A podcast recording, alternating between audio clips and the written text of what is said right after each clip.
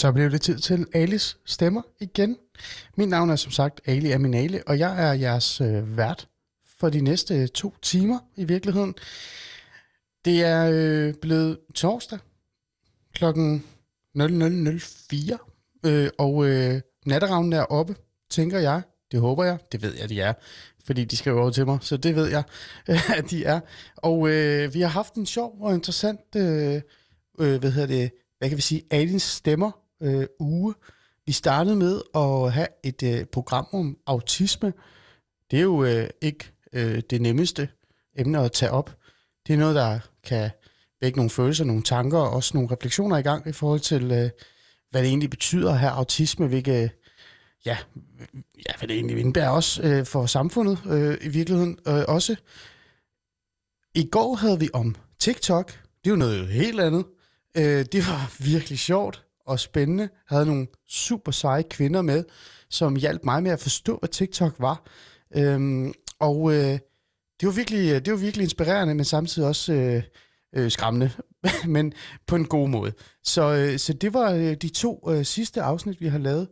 I dag, øh, der vender vi lidt tilbage til sådan det lidt mere, øh, hvad kan jeg sige, øh, et emne, man kan fordybe sig lidt i, og, og reflektere lidt over, især også de her øh, nattetimer, nattestunder, og også noget måske, som øh, har fanget mange af os, fordi øh, der har været den her coronaperiode, hvor vi har været sådan en smule indspærret med os selv, med vores tanker, øh, og øh, hvad der egentlig reelt sådan, øh, ja, sker omkring os, men også inde i os, øh, i os selv. Øh, I aften kommer det til at handle om det åndelige, det spirituelle, og eventuelt også det religiøse for den sags skyld. Jeg, øh, eller vi, os alle sammen, har netop haft påske, øh, påskeferie, påskefridag. Og, øh, og det, er jo, det er jo faktisk en, en, et religiøs, en, en åndelig og spirituel tid. Men jeg fangede mig selv i, i virkeligheden i at, at overhovedet ikke at tænke over, at det er det. Øh, jeg kan huske her, for et par dage siden, der sad jeg sådan i min sofa og tænkte, ej, det er bare godt det her. Altså, jeg har virkelig været træt, og det har været hårdt, og det har været dejligt at bare kunne sove lidt. Og så blev jeg fanget i sådan en panik øh, øjeblik, fordi jeg kom i tanke om, at påskeæg, altså Ali for hulen, påskeæg, du skal jo finde nogle påskeæg til dine søv øh, drenge, så de kan sådan gå på påske og æggejagt, eller hvad det hedder, ikke? Øh, og jeg skyndte mig ned i, øh, i den nærmeste, øh, ja, øh, forhandler og finde påskeæg og kastede rundt med dem, da jeg kom hjem i, øh, og kastede dem i forskellige afgrupper, jeg ved ikke hvad, og gik i gang med den her øh, påskejagt. Men det var så også det. Altså, der var ikke andet. Og øh, når jeg tænker tilbage, og nu, nu er det ikke sådan et, jeg tænker tilbage i gamle dage, det, det er virkelig det, jeg prøver at sige her. Jeg tænker bare øh, to, tre, fire år siden, øh, der var påsken måske øh, nok det samme, men samtidig var der måske mere også øh, en, en, en bevidsthed i forhold til, at det religiøse og det kulturelle, altså det kulturreligiøse for den sags skyld, også med det åndelige fyldte lidt mere. Altså hvis man trykkede over på DR2 eller en eller anden kanal, så, så var der noget om Jesus' genopstandelse. Der var nogle, nogle historier, der var noget fokus på det, der var noget interesse i det også. Og hvis jeg skal være fræk alligevel her, og, og være sådan rigtig gammeldags, gammelmandsagtig, så når jeg tænker tilbage i, øh, da jeg var selv var yngre, øh, og nu er jeg altså 82, så det er ikke fordi jeg er voldsomt gammel, så, øh, så var der også fokus på det kulturelle og det åndelige og det spirituelle øh, i min folkeskole og min gymnasietid. Øhm, og det er sådan lidt, er der stadigvæk det? Altså, findes det stadig? Hvordan ser det egentlig ud øh, i den nye generation, den næste generation, med det åndelige og det spirituelle? Og det, det gør jeg jo, fordi jeg synes nemlig, det er vigtigt. Altså, jeg synes, det er vigtigt, at man på et eller andet sted har sådan en form for refleksion øh, i forhold til øh, altså, det altså igen det åndelige, ikke? Altså, hvad er man egentlig dannet af? Øh, er man en del af noget større, eller er man bare sig selv? Øh, tror man bare kun på sig selv, og ikke mere? Og hvad gør man så, hvis man på en eller anden måde øh, oplever, øh, hvad kan vi sige, nederlag, øh, fiasko? Fordi hvis man kun tror på sig selv, hvad skal man så tro på, når det går galt? Og hvilken identitet har man så? Øh, så der er mange spørgsmål, der er mange refleksioner, omkring det her. Og øh, det vil jeg gerne tage i nat. Og øh, for at kunne gøre det, så skal jeg selvfølgelig snakke med nogen om det. For ellers så ville det være rigtig kedeligt at stå her og tale med mig selv. Og øh, lad os da få dem ind. Lad os få vores gæster ind. Jeg øh, gjorde, som jeg altid gør, øh, råbt højt i de sociale medier, og jeg ved ikke andet, og spurgt, er der nogen, der gerne vil have den her samtale med mig? Er der nogen, der er interesseret i at, at tage en, en snak med mig om, hvordan det, det ser ud, hvordan det står til? Og øhm, det var rigtig dejligt, fordi der kom rigtig mange tilbagemeldinger, øh, både fra unge, men også fra ældre. Og øhm, en af dem, som meldte tilbage og sagde, jeg har faktisk noget, jeg gerne vil tale om, det er en Marie. Så lad os prøve at ringe Marie op og høre, hvad hun egentlig har at sige til det her, og hvorfor hun reagerede, da jeg råbte højt og sagde, hvordan står det egentlig til med det åndelige?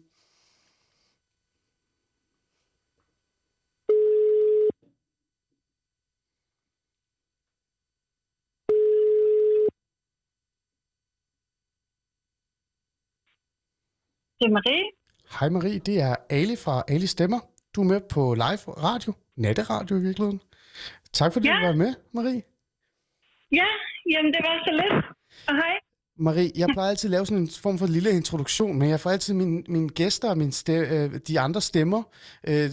dem der deltager, til selv at sætte ord på, hvem de faktisk er, fordi så kan de selv være med til at, at, at fortælle os det, de gerne vil i virkeligheden også. For nogle gange øh, har jeg jo også gæster, der gerne vil være anonyme.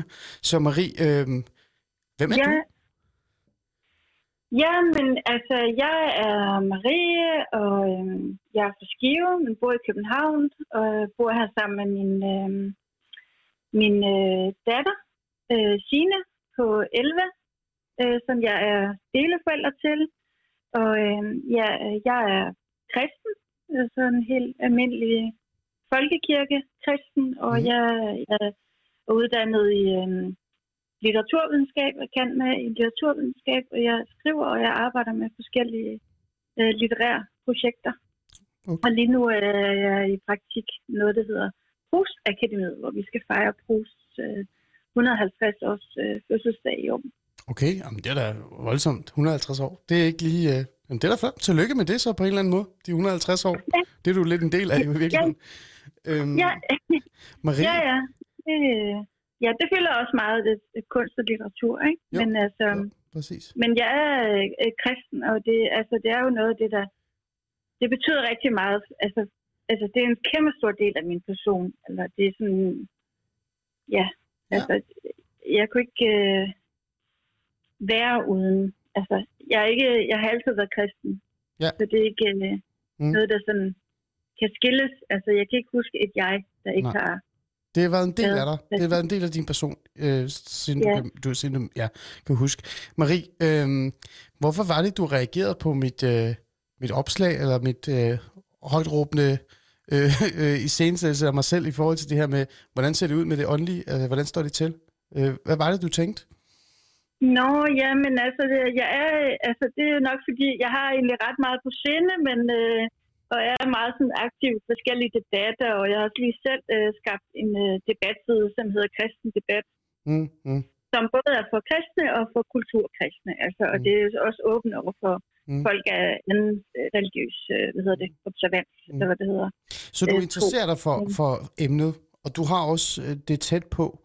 Øh, og det er jo Ja. rigtig godt, og det er jo vigtigt faktisk, fordi så kan jeg jo øh, bruge dig lidt til at få nogle svar, øh, sådan virkelig sådan, give mig nogle svar, men nej, det er jo heller ikke på den Ja. måde, men, men, men Marie, så lad mig spørge dig sådan lidt øh, altså, direkte, øh, hvordan står det egentlig til øh, altså med det åndelige og det spirituelle, og det behøver jo ikke at gå direkte ned i kun kristendom, men hvordan står det egentlig til med vores sådan, altså sådan, forståelse er det bare sådan generelt? Øh, er vi stadig øh, åndelige og spirituelle øh, dags dato?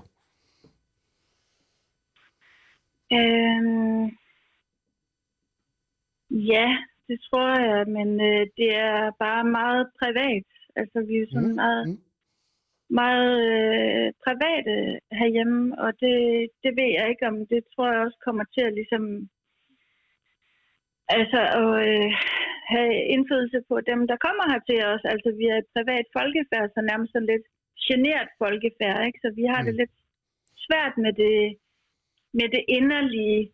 Ja. Øh, men altså, jeg tror, jeg har en fornemmelse af, at altså, den her øh, pandemi, det har gjort noget ved folks øh, åndelighed, fordi øh, man har haft så meget tid til sig selv, alene, og altså, man har så meget øh, tænketid, ikke? Så Mm, og det, ja. det er jo, det opfordrer jo, det er jo, altså, det er jo ideelt, ideelt at, at blive mere øh, spirituel i sådan en tid, også fordi man, man savner og, og er ensom og savner øh, af verden, som den var før, ikke? Altså, Mm. alt det sådan fest og sovløse og alt, øh, alt det sociale, som man ikke kan helt på samme måde. Ja. Men, men det er sådan et øjebliksbillede. Ja, og det er Øh. jo også, det er jo også fint. Øhm, det jeg sagde i, i starten af programmet, og, og grunden til at jeg overhovedet tage det her emne op, det er det her med, øh, okay, jeg sagde en masse ting, men hvis man skal sådan kode ned i det, der, der er vigtigst, synes jeg, at tale med dig om, måske også lige spørge højt her, det er den her Ja. med, at, at jeg tænker, at vi har et par generationer af unge, men også ældre for den sags skyld, også på en eller anden måde min generation, som er blevet oplært i, at vi skal tro på os selv. Det er os selv, der kommer til at klare det her. Altså, så længe vi tror på os selv, så kan vi blive, hvad vi har lyst til. Øhm, Ja. Hvordan, altså, at, altså Ja. det, er jo, det er jo det modsatte af at tro på noget større, og at tro på mere end ens selv. Øhm, hvad tænker du sådan i forhold til det? Tror du, at det har måske været med til at, at, at, at fjerne lidt fokus på at tænke større end os selv, og så, og så sådan, få os til at sådan koge lidt ned? Øhm, og det er det, der rammer os nu, nu når vi er lukket ned, og vi er alene, og, og det, så, er det, så, så, så er det svært at tro på sig selv, når man sidder der helt alene i et lokale og er træt af sig selv. Så vil man jo gerne tro på noget større, og tro på noget anderledes, ikke? og på noget forskelligt.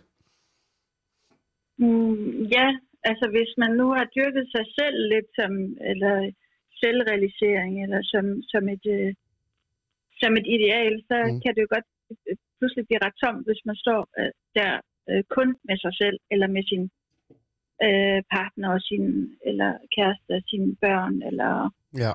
altså uden den, uden den re- reelle verden, ikke, så, så kan man godt øh, så, så kan man godt få den der følelse af fortabthed, og så begynde en, øh, begynde en søgen, øh, går jeg ud fra. Mm. Altså, og jeg har også øh, lavet mange af de der ting, som har været meget på øh, Facebook og øh, på øh, Netflix og HBO og Disney Plus og alt muligt sådan øh, es- eskapistisk. Altså, det er ikke, fordi øh, jeg har øh, søgt øh, kirken, vel? Men Nej. man har jo heller ikke kunne komme til kirke. Nej, det har, det har også været lukket, ja. kan søge sin egen øh, øh, åndelighed, ikke? Øhm, ja. så, men altså, ja, jeg har faktisk øh, skabt sådan lidt et, et, et husalter, men det, det er egentlig lidt hemmeligt, at jeg har det. Men der er en lille mini-mini Jesus-figur faktisk. Okay. Så nu står det der, fordi nu Det- har det jo lige været påske. Det er Men det er jo meget, meget, meget Ja, det, den er kun 10 cm høj, eller måske 12 cm. Okay. Men det er sådan lidt et husalter, faktisk. Ja, Jeg interessant. kan godt finde på at bede for- foran det, men det er, jo, det er jo ikke nogen, der ved det. Altså, det er jo helt Nej, folk, skjult. folk tror, at når, du, når de ser dig, så tror de, at du står og pusser det, eller lige sådan, taler med dig selv kort. nej, nej, det er bare, det er bare sådan, øh, så er der sådan blonde du og sådan noget. Ikke? Det kan godt ligne sig lidt noget kirkeligt, men det er ikke okay. sådan en, det, er mere sådan noget blomster øh, øh, sådan en gammel du ja. fra min øh, oldemor, ikke? Jo. Og så er der den der lille mini øh, Jesus-figur, som jeg godt, jeg ved ikke, hvor lang tid jeg kan lade den stå, blive stående, Ja. før det virker underligt. Altså, jeg jo ikke lyst til at virke som en freak. Men nej, men Så- Marie, for nu har du Det faktisk fat bare i noget. kommode med en Jesus-figur på. Men nu har du faktisk så- fat, fat, hvis jeg lige må fakta der, fordi du, du siger noget interessant her, som jeg synes, vi, man godt lige kan dykke lidt ned i det her. Øhm, fordi øh, jeg, ja, du har ret, ikke? Altså, øh, det er blevet en privat ting, ikke? Altså, det er åndeligt, det er Ja. spirituelt, det, er, det, jeg vil sige det kristne, men det er religiøst, ikke? Øh, det er det, det er blevet. Det er, med, det er blevet en privat ting, vi skal holde for os selv, og det, det synes jeg også er fint. Jeg er selv fortaler for det på en ny og næ, faktisk. Men, men jeg er jo stadig, øh, altså sådan et, jeg synes jo ikke, man skal skamme sig over at tro på noget spirituelt, noget åndeligt. Men det er jo blevet lidt på en måde sådan noget, man sådan både holder privat, men man skal heller ikke tale så højt om det, fordi det er jo netop, man, man skal også tro på sig selv, ikke? Altså det er det, der er vigtigt, øh, og det der med at tro på noget større, det er sådan lidt, ja ja-agtigt. Altså, Ja. er det, ikke, er det ikke rigtigt, eller er det bare mig? Altså, jeg, jeg ved ikke, altså, jeg, jeg tror ikke øh, særlig meget på mig selv. Altså, jeg er ikke, øh, jeg ved ikke om, altså, jeg er ikke sådan øh, rigtig meget, jeg øh, ret talent, øh, har mange talenter og sådan noget, men jeg tror ikke så meget på mig selv. Jeg er sådan ret, generelt ret usikker, men jeg er ret sikker på min tro. Altså, jeg er ret sikker på, at der er nogen, der, der tror på mig. Altså, der er ret sikker på, at jeg sådan får... Øh, altså, jeg føler Guds kærlighed. Jeg føler mig altid elsket, Mm. og jeg Mm. er troende. Så det, det giver jo også sådan... Det giver jo selvfølgelig noget... Ja, men Noget det- varme måske. Eller noget, noget, Ja, altså, er noget, noget varme, håb. men jeg er ikke sådan den personlige... Øh, Nej. Altså, øh, jeg vil ikke, i hvert fald ikke selvsikkerhed, men det, det giver nok noget altså, Ja, ja, selvværd. ja, jeg ved, hvad du mener. Ja. Og noget håb i virkeligheden. Ikke? Hvis man skal sådan Ja. løfte den her, øh, den her øh, lille snak, vi har her videre, så jeg kan sådan, øh, virkelig sådan få så meget ud af, er der som muligt, for jeg synes, det, det er Ja, ja. super interessant, det du siger. Øhm, nu er det religiøse, og det åndelige og det spirituelle også, altså kristendom for den sags skyld virkeligheden, det er jo det, der handler om for dig. Øh, noget, Mm. du har tæt på, der har, det har fulgt dig, siden du kan huske, øh, og det er en del af dig. Øhm, Hvad Ja. tænker du sådan i forhold til øh, den næste generation? Du sagde, du har øh, Ja. du har en- et barn, Min var det ikke rigtigt? Din datter. Øh, Ja. Hvad tænker Ja, du i min forhold til... datter, hun er Ja. 11,5. Ja, 11,5. Så det er også snart Ja. konfirmationstid på en eller anden måde. Øh, Hvad tænker du sådan i Jamen, forhold det til... er det. Tænker jeg rigtig meget på. Øhm, også, øh, jamen, hun blev så ikke minikonfirmand, men det var fordi, det var sådan lidt bøvlet, men det var faktisk også fordi, der var ikke rigtig nogen af de andre i klassen, som gad at være minikonfirmander. Mm, Og så har jeg ikke lyst til sådan at tvinge det ned over hende. Nej. Altså ligesom jeg, har, jeg taler med hende om tro, og vi beder også øh, tit aftenbøn. Og jeg synger øh, altså nogle salmer øh, for hende, øh, når hun skal sove, det har jeg altid gjort. Mm, Men, øh, men jeg har ikke vil have, at det skulle være sådan noget, der bliver ligesom, øh, altså ligesom, hun blev tvunget til at, at hun skulle tvinges til at gå. Jeg har prøvet at tage hende i kirke, og det synes hun, hun synes, det var så kedeligt. Altså, så jeg tænkte, det duer ikke. Hmm. Altså, vi har tidligere været sådan noget børne, salme, eller hvad hedder baby salmesang, det kan hun jo ikke huske, og så sådan noget børnehalløje, ikke? Men nu, hvor hun er sådan større, så synes jeg ikke rigtig sådan, der er så meget nej.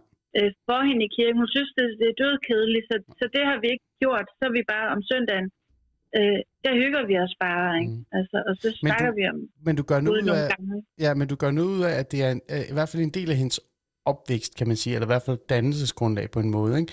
På en, på en meget, øh, altså, Ja. jeg vil sige sådan meget, jeg vil ikke sige neutral, men, men du gør det ikke på en måde, hvor du sådan skubber hende ind i det, eller øh, tvinger hende. Øhm, jeg tænker sådan, øh, hvis man skal sådan løfte den lidt højere op øh, her til sidst, i forhold til sådan, hvordan det ser ud samfundsmæssigt. Mm. Øh, min bekymring, eller ikke min bekymring, mit, mit spørgsmål er sådan lidt, hvordan det står til med det åndelige øh, generelt. Øh, jeg, vil nu, jeg vil sige, at det står sådan godt til i forhold til dig, og den måde, du har fokus på det.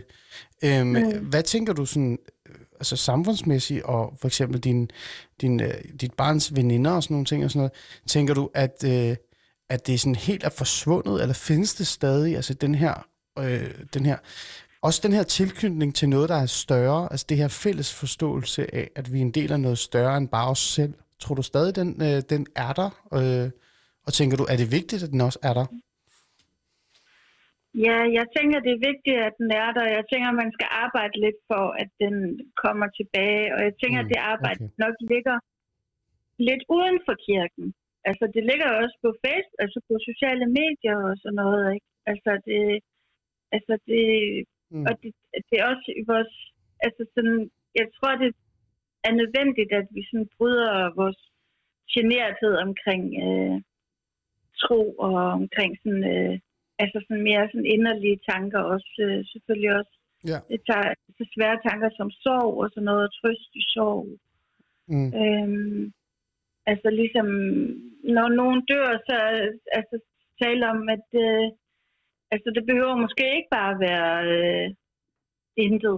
Altså, der kan godt være nogen, der tager imod mod os, når, når vi dør. Altså, det kan man i hvert fald godt altså, ligesom skabe et håb om, uden Mm. at sådan ligesom presse folk det på, men bare ligesom, ja, Ja, jeg ja, ved ikke, nej, men det altså, jeg mening. føler mig altså lidt som, en, lidt som en minoritet, men jeg tror ikke helt, jeg er det. Nej, Fordi jeg tror, der er ret mange, der er, egentlig er kristne, men, men det var det, at jeg havde sådan en lille øh, debat med Svend Brinkmann om i dag. Han, Mm, han, han mm. så nævnte sådan noget med, man diskuterede, at ville gerne diskutere med ateister, kulturkristne og, øh, og, hvad hedder det, og fundamentalistiske kristne, hvor han så glemmer den der kæmpe store gruppe af bare sådan helt almindelige kristne, moderne, øh, oplysende kristne, som, mm. som lever sådan helt øh, problemfrit i, integreret i det moderne samfund. Ikke? Jo, jo. Um, så det, det var, jeg tænker måske, det var sådan, måske skulle man bare lige øh, gøre sig mere bevidst om, at altså, vi er der, vi er faktisk øh, ret mange, som, som er øh, kristne, om, altså, som er troen, og der kan vi måske lære noget af folk, der kommer udenfra, for eksempel øh, muslimer, ja. som, er, som ikke har den her generthed ved deres øh, tro. Altså, mm. jeg kan godt mærke øh, et fællesskab med nogle mm. muslimer, også med nogle, for eksempel muslimske gymnasieelever, jeg har haft, ikke? Mm. Øh, fordi at de sådan har den der inderlighed i deres tro, ikke? Ja. Ja. Ikke sådan, generer det ved det. Mm. Og det, det synes jeg heller ikke, øh, vi skal være. Altså, jeg tænker, det, kirken, jeg kunne godt tænke mig måske, at kirken kunne blive sådan uh, mere højtidligt og lidt mere højstemt, og ikke altid så lavkirkelig, men måske lidt mere højkirkelig. Mm. Ja, okay. Så det er ligesom bare lidt mere substans og sådan lidt mere øh, power over det. Sådan, at det, det er lidt mere sådan, ja. ja øh, jeg kan godt følge dig.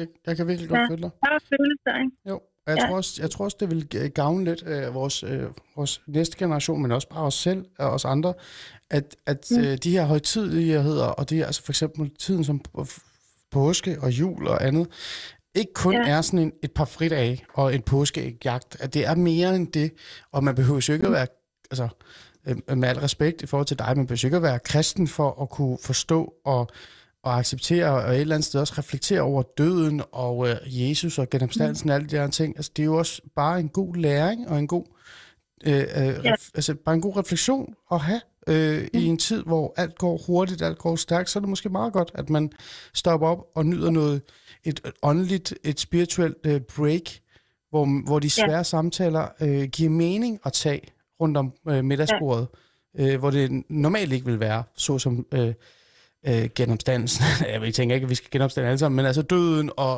og det at miste og sorg, og, og det er også at tro på noget større og faktisk have noget håb. Øh, øh, mm. Tænker du ikke, det giver bare sådan lige kort her til sidst? Jo. Det ikke mening? Jo, jo. Og der er også, altså nu har jeg boet lidt i USA, og der havde de den, meget den der tradition med, at de holder hinanden i hånden, og så takker for maden. Mm. Og det kan man, og det synes jeg er sådan ret rigtig fin og inderlig ting, og det kan man jo faktisk sagtens gøre, altså om man er kristen eller ej, eller altså kristne agnostikere øh, og etister, vi lever jo sammen i en stor pærevælling, ikke? som regel. Ikke? Jo. Ja. Øhm, det, altså, hvad, altså, måske kunne jeg faktisk godt tænke mig sådan lidt mere ritualliv. Altså, måske kan jeg godt savne, mm. savne det. Ja. Altså sådan... jeg, tror, jeg tror ærligt talt, øh, at øh, det er også noget, øh, altså de, de unge, jeg taler med øh, via mit, mit arbejde, tidligere arbejde som socialrådgiver, men også bare sådan, øhm, generelt, når, vi, når jeg kommer ind i identitetspolitiske debatter og samtaler, så kommer vi meget hen til det der med, at de unge øh, er meget, øh, øh, vi kommer, jeg kommer ind på det senere i aften også, sådan tribalistiske, ja. de, de er endt i sådan nogle små klaner, og de mangler noget fællesskab, noget større end dem selv, fordi de netop er vokset op med at tro kun på dem selv og intet andet. Og det er jo ja. det, man kunne give dem. Det er det, man kan, man kan ja. skabe, og, på en eller anden måde måske også styrke det danske fællesskab, eller bare vores fællesskab ja. for den sags skyld, øh, ved ja. at have de her små øh, traditioner, ikke? altså de her øh, gentagelser ja. på en eller anden måde. Ikke? Ja.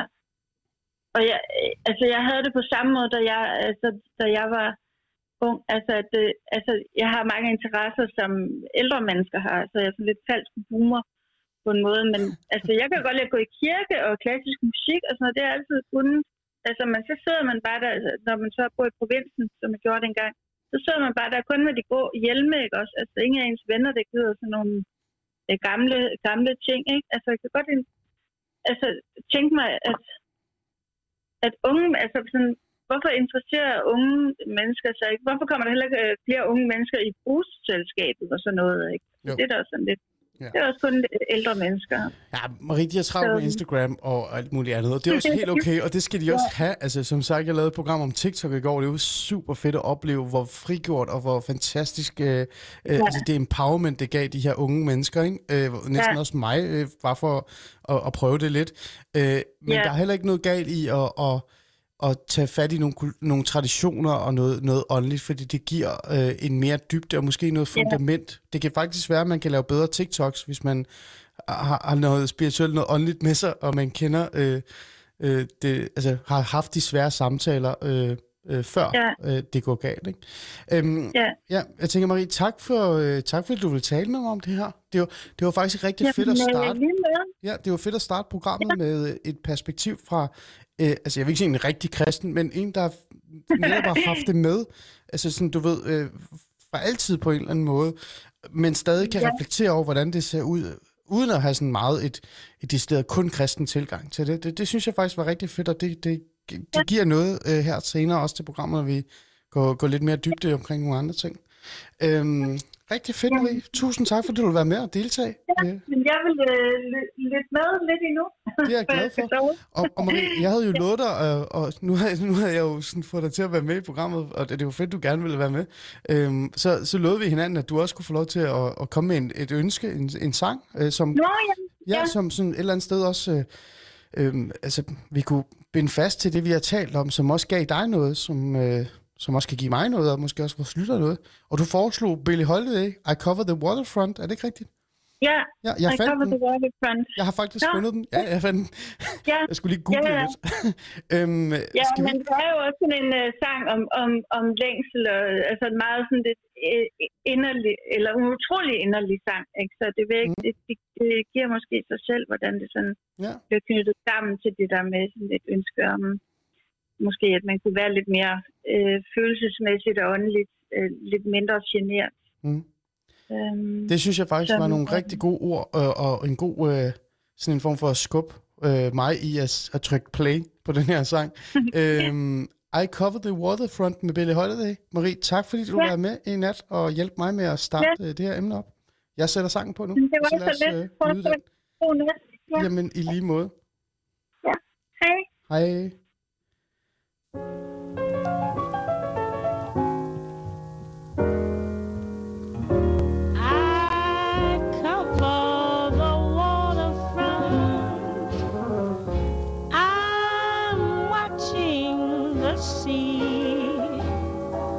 Will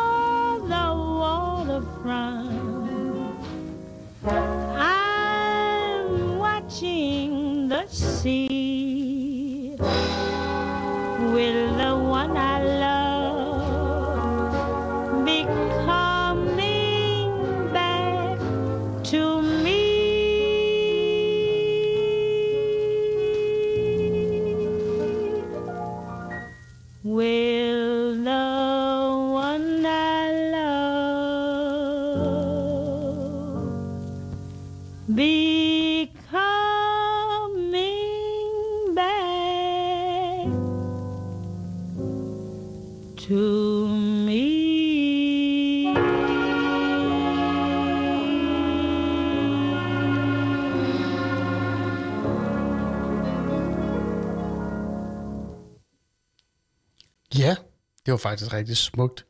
Billie Holiday, I Cover the Waterfront. Det var jo Maries øh, ønske. Øh, jeg synes, den levede op til præcis det, hun sagde, øh, og de ord, hun satte på, øh, før vi satte den i gang. Så det, det gav rigtig god mening. Jamen altså, vi er stadig i gang. Mit navn er Ali Aminali, og du lytter til Ali Stemmer. Og i aften, der har jeg jo besluttet mig for at, at have sådan lidt mere en åndelig og en spirituel samtale omkring, hvordan tingene egentlig står til derude. Er vi egentlig stadig åndelige? Er vi stadig spirituelle? Og teknisk set også religiøse anlagt? Og øh, hvor, ja, øh, har vi den her stadig den her fællesskabsfølelse? Øh, øh, og altså, er det egentlig godt for os, at vi eller mange af os, øh, et par generationer i hvert fald, er vokset op med at kun tro på os selv, og bare os selv, og bare os selv. Fordi når det så går galt, hvad så? Skal vi så tro på noget større, og hvis vi ikke gør det, så bliver det lidt svært, øh, vil jeg mene. Men øhm, for at kunne gøre det, har jeg jo lovet mig selv at ikke at stå her og snakke alene. Øh, nu talte vi med Marie før. Vi har en anden en også, som gerne vil have, have en lille snak med mig omkring det her med at være åndelig og spirituel, og hvordan det egentlig står tættere derude. Lad mig ringe ham op. Han hedder Kasper, og øh, lad os øh, se, hvad han kan byde ind med, og få sat nogle refleksioner i gang omkring det her emne.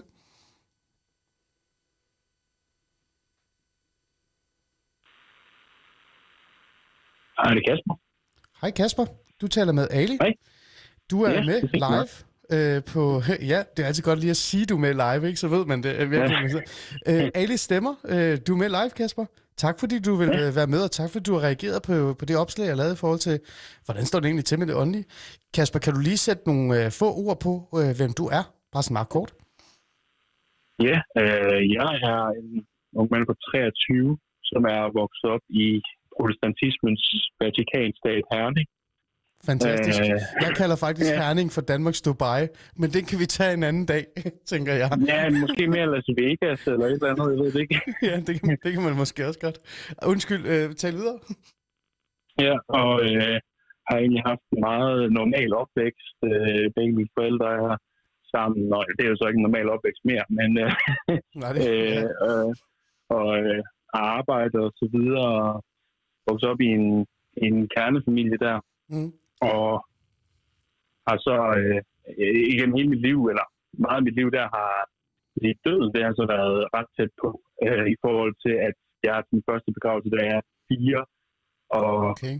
nogle år senere, der øh, det var min oldemor, det var ikke så overraskende, hun var sådan 90 eller 91, og min farbror, han døde af druk i Costa Rica, øh, hvor han Okay. boede, han var sømand. Ja. Og året efter var jeg til en begravelse ved en øh, 18-årig, en af mine søsters veninder, øh, som hun voksede op med øh, på den gade, hvor vi boede. Okay. Du har virkelig haft døden øh, tæt på, som du siger. Øh, der er i hvert fald noget Ja. sorg øh, der. Øhm, ja. Hvad med det åndelige og det spirituelle, Kasper? Fordi du, hva, hva, altså, øh, hvordan har det stået til med dig? Øh, fordi øh, den, den besked, du sendte mig, var jo super Ja. interessant i virkeligheden i forhold til emnet i dag.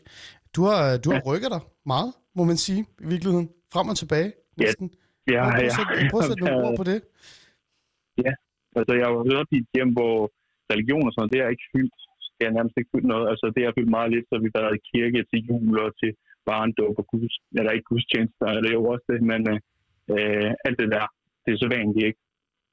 Og så, da jeg er de der 12 år, tilbage i 2010, der øh, gennem øh, Star Wars, får jeg så interesse for, øh, for buddhisme. Jeg begynder at læse op på, hvad det er for en størrelse og så videre. Det var en, et tidspunkt i mit liv, hvor der virkelig skete meget, hvor jeg virkelig fik øh, øjnene op for, at der var noget andet uden for mine fire vægge. Altså, Mm. læste også øh, små bøger om, om Winston Churchill og Mahatma Gandhi og alle mulige mennesker. Mm.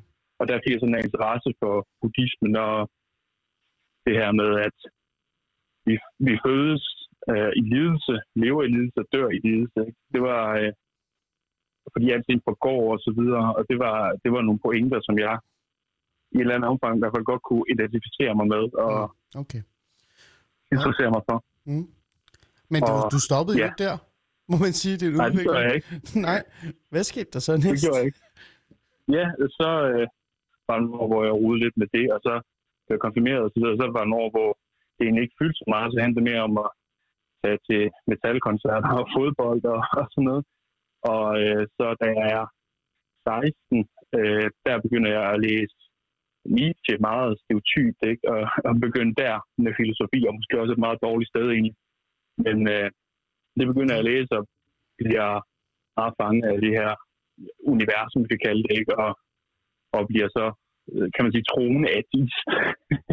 Okay. øh, meget Nu, overbevist altså, om, nu er vi virkelig et helt andet sted, Gud. ikke? Altså, nu, ja, vi- der er ikke nogen Gud, du, der er øh, ikke nogen mening. nej, nu, du, nu har du forkastet det hele, nærmest. Ja, og skal finde en ny moral og alt det Ja. der, ikke? Ja. og, og så Øh. videre. Altså, det er ikke nihilisme, det er jo ikke det, Nietzsche er ude i overhovedet. Men det er nærmere en kamp mod nihilisme, det er der mange, der misforstår. Ja, interessant. Øhm, så står du der og tænker. Ja. altså, jeg har mig selv, jeg har, øh, jeg har øh, naturteknik næsten, kan man nærmest kalde det, ikke? Ja, ja. jeg har statistikkerne og fakta, øh, øh, altså drop alt det andet. Øh, hvad skete der så? ja, det er et ret godt spørgsmål, fordi jeg, øh, Hvor er du henne nu, med. Ja, nu er jeg der, hvor jeg er meget åben over for det åndelige igen. Og øh, jeg har gået igennem nogle ting her med en filosofistudie, der gik fuldstændig i vasken i Aarhus, Okay. hvor jeg, øh, hvor jeg har noget, altså, der minder om et, et sammenbrud i altså, erkendelsen og, af, at det ikke er den vej, jeg i hvert fald skal gå. okay. Øh, det er i hvert fald ikke noget, jeg skal... Eller, det, er ikke lige den, den vej for mig. Mm, det er også fair. Og, og bliver så diagnostiseret med øh, noget, der hedder skizotypi, som er en lidelse, der blandt andet øh, kendetegnes ved et ekstremt tankemylde og øh, en eller anden mangel på, på kerne eller, eller øh, evne til simpelthen bare at være til stede i verden. Øh, det, det er sådan meget kort beskrevet. Nogle af hovedtrækkene ved det. Og så sker der det, at jeg, jeg absurd, altså jeg begynder at, at følge en masse øh, memes, hvor, hvor øh, med katolikker og hvad ved jeg, der, vent, der er smidt ting altså, op om... okay, altså, hvor, så nu er du over i det, det, altså katolismen? Nej, jeg er ikke, jeg er ikke øh, katolik, det vil jeg ikke kalde mig. Jeg er bare Du er måske en nysgerrig. eller anden form for kristen. Meget nysgerrig, ja. Ja, præcis. Okay. Øhm, Og jeg kan se... Ja. Nej, nej, nej, kom med. Jeg kan- nej, nej, nej, jeg, jeg, jeg kan bare, virkelig øh, godt med her. jeg kan, jeg kan bare se, når jeg kigger ud i verden og kigger på alt det, der er omkring mig. Ikke? Altså øh, naturen og himlen over mig og musikken, jeg hører og bøgerne, jeg læser og så videre. For første, Mm. så er det, det kunst, jeg indtager Ja. eller, eller, eller nyder. Okay. Det er lavet af, af folk med en kristen baggrund, altså, eller øh, kristen tro. Øh, Ja. og og øh, hele den her verden, øh, jeg ser, så begynder jeg at tænke, så begynder jeg at tænke, det, det kan simpelthen ikke være rigtigt, at det bare er kommet af, af ingenting. Alt det her. Der må Og så være den, noget den, større, eller hvad? ja, det, det, det, det Et må der simpelthen være. Det, det giver simpelthen ikke mening den anden forklaring, at, at det hele skulle være kommet af hvad? Ingenting af, altså, hvad er det for noget? ikke? Naturteknik, som jeg sagde. Ja, Øh, ja det, det kan jeg ja. ikke se. se så, selvom det er meget, meget svært at forstå det andet også, det her med, at der skulle være en Gud, der har skabt det hele osv., så giver det alligevel lidt mindre ingen mening, end at, at det hele skulle komme fra ingenting. Ja, ja, ja, ja altså jeg, ja. Jeg kan 100% følge dig. Jeg jeg er ikke selv øh, sådan det, man kalder øh, religiøs. Altså det synes jeg er svært. Nej. Jeg synes, det er svært at... Øh, jeg synes i hvert fald, det er svært for mig at sætte det label på mig. Øh, og jeg tænker, hvis jeg ja. Ja. synes, det er svært, så er det nok også øh, rigtigt. Øh, der er mange, der sådan spørger mig sådan, "Ah, Ali, du må være muslim. Øh, og så siger jeg sådan, jeg er ikke. ja. Altså, ja, det er jeg ikke. Jeg er mere sådan, hvis jeg skulle være noget, så er jeg partymuslim. Og det er sådan en mærkelig ting, jeg har fået. Partymuslim, Ja, det lyder godt- lidt paradoxalt. Jamen, du må godt grine af mig over det. Det er en af mine øh, gode venner, der hedder Mikkel Andersen, som er øh, chefredaktør på Kontrast og alt muligt andet. Han er sådan en rigtig liberal, borgerlig debattør. Ja, ja. Og han plejer, er altid at sige, ja, han plejer altid at sige, at han er party... Øh, øh, hvad det, liberal, øh, når folk spørger ja. Hvad han var. Og det tog jeg sådan til mig, og så sagde jeg sådan, "Men det passer meget godt, fordi det, jeg kan huske, da jeg var yngre, hvis hvis man kunne sådan vinde noget på det, så kunne der godt være partymuslim. Altså sådan på den måde. altså sådan, ja. hvis man var sådan lidt eksotisk på den måde. Så, så jeg, Ja, ja, jeg, var sådan, jeg var muslim, når det, når det var positivt i virkeligheden. Ikke? Øhm, Ja. Men jeg er jo sådan kulturkristen, kulturmuslim, kultur, kulturagtig. Ja. Men jeg tror på noget, jeg tror på noget åndeligt. Øh, og jeg ja. Ja. tænker sådan, jeg sådan, på en eller anden måde har været igennem en, en, en rejse, ligesom dig i virkeligheden, og så ikke øh, 100 Okay. procent. Øhm, Nej. jeg, jeg har ikke rigtig været sådan enormt bevidst omkring det åndelige og det spirituelle. Men jeg havde sådan et Nej. mærkeligt øjeblik, øh, og, og der er en mening med, at jeg deler det her med dig, også til, til jer lytter. Ja. Ja. Så følg lige med. Nu, skal, nu, skal, nu handler det om Ali. Det, jeg har været, jeg har været, øh, jeg har været guide på Mallorca. Ja, så Ja. kom det frem. Jeg elsker at nævne det nogle gange. øhm, og, og, og der var jeg bare igennem en mærkelig tid. Altså, fokus var Ja. på at feste og have det sjovt. Jeg tror, det, hvis man skal sammenligne det med noget, øh, så er det sammenligne det med din tid som øh, artist, måske. Øh, så Ja, fokus, okay. fokus var på meget andet end det, ikke? Øh, det var naturteknik, men det, her, det var mere alkohol naturteknik. Men, men Ja. øh, jeg vågnede op en dag på en eller anden mærkelig måde, og, og besluttede mig for, at nu skulle jeg lige øh, klokke lidt ud i dag, og lade være med at arbejde, og, og gå en lang tur. Ja. Jeg gik en rigtig lang tur, og det er jo Mallorca, Spanien, der, der er rigtig mange med katolsk baggrund, der bor der. Øh, øh, Ja. og også kristne, men også, der er også mange rigtig, altså, øh, der er rigtig mange katolske kirker, øh, hvis det nu hedder det, det hedder. Det tror jeg, det hedder. Ja, de er jo, de er jo skønne. Ikke? Altså, Ja, og der de er kan man nærmest blive religiøs bare gå ind sådan en. Ja, og det er jo lige før, det er det, der skete med mig næsten. Men, men jeg, ja. Ja. så gik jeg på sådan en, øh, øh, en, en, den her lange tur, og så øh, var der en, en katolsk kirke, sådan en lille, flot katolsk kirke, som jeg gik ja. Ja. ind i, fordi at den var åben, og der var stille, og jeg tænkte, der vil jeg bare gerne sidde, det er virkelig flot, og de er jo kæmpe store, de her, ikke? selvom de er små. Ikke? Ja. Altså, der er, jo, altså, der er jo 20 meter op til loftet næsten. Ikke? Øhm, og der sad jeg så bare og stirrede ud i luften, og øh, der kom en, en, øh, en præst hen til mig, øh, og satte sig ja. Ved siden af mig og talte spansk til mig. Jeg kunne ikke spansk, så jeg sådan lidt, uh, no habla, jeg forstår ikke. Men han, var så, øh, han kunne så engelsk. Så han spurgte mig sådan, hvordan det går, og hvad jeg laver her. Og så sagde jeg til ham, at jeg har ingen idé, hvad jeg laver, for at være ærlig. Jeg, jeg kom bare ind, og jeg forstår ikke, hvorfor. Og det, altså, det tog ham 10 minutter, så begyndte jeg, og det er sådan meget øh, ærligt, og meget sådan råt, jeg siger det her, sådan, øh, ja. men det er rigtigt. Så begyndte jeg at græde. Altså, han fik mig på 10 okay. minutter til at... Ja, og, og jeg aner ikke, hvad der var, der skete. Og der skete bare noget, der skete noget, en refleksion, der, der var noget, der satte i gang i mit hoved, og da ja. Jeg gik ud af det lokale, det rum, eller hvad det hedder, det her, den her kirke, og jeg havde haft en Teams samtale, to timer måske endda, samt, for jeg kan ikke huske det. Altså, tiden forsvandt lidt for mig. Så Ja. var jeg bare mere spirituel og åndelig anlagt, end da jeg gik ind. Øh, altså, jeg Ja. troede på noget større. Jeg troede på noget. Endelig følte jeg, at jeg var ikke alene. Øh, der var noget mere end bare mig. Det var en Ja. mærkelig oplevelse. Øh, og det er der, jeg er nu. Øhm, og, det, og det, jeg vil fortælle med den her historie, det er sådan lidt til det her, som jeg også vil gerne vil spørge dig om. Og det er også det, jeg også Ja. selv er. Øhm, nu har du været igennem den her rejse af en art, ikke? Ja. Du har også Ja. stået i sådan en situation, hvor du bare har troet på dig selv i virkeligheden. Ligesom jeg sagde her for nylig, eller lige her lige før, at øh, der er rigtig mange generationer, også mig for den sags skyld før, øh, der troede på mig selv. Øh, det var det, det, var Jeg det tror der på menneskets storhed. Ja, præcis, noget. ikke? Og, og hvis jeg tror på mig selv, så kan jeg klare alt. Så skal jeg nok opnå det. Øhm, Ja. Hvordan er det egentlig? Altså sådan, fordi jeg tænker sådan, det må da også være hårdt. Jeg synes, det er hårdt. Og, og jeg tænker sådan, hvis vi har en generation af unge, øh, som bare tror på sig selv, når det så fejler, så må det være svært at, at stå der. Altså, er det ikke der, man sådan krakelerer i virkeligheden? Altså, er der ikke brug for den her, kort sagt, er der ikke brug for, at man, at man tænker, at der er noget større end mig? Der er, en, der er en grund til, at ting går galt, og det skal nok gå. Altså, der er håb derude. Og det er ikke kun. Ja. mig, der kan skabe den håb. Tror du ikke, det er vigtigt? I, også som mennesker, men bare også sådan for vores samfund? Jo, det, det, vil jeg, det vil jeg mene. Altså, jeg har også øh, gået igennem nogle ting, hvor hele mit liv, altså i hvert fald, som jeg kunne se det, ikke? Det, øh, det faldt fuldstændig fra hinanden og så videre, hvor jeg simpelthen sagde, at jeg bliver nødt til at søge noget hjælp her. Mm. Og altså, det var jo ikke gennem Gud, at jeg gjorde det. Det var gennem nogle samtaler med, med nogle mennesker. Øh, eller folk, der ved noget om, om den slags, ikke? Og, og det, var da, det var også noget, der var forbundet med tvivl fra min side, fordi hvad fanden, hvad fanden er det egentlig, er det her, er det her hvad Nietzsche skulle gøre?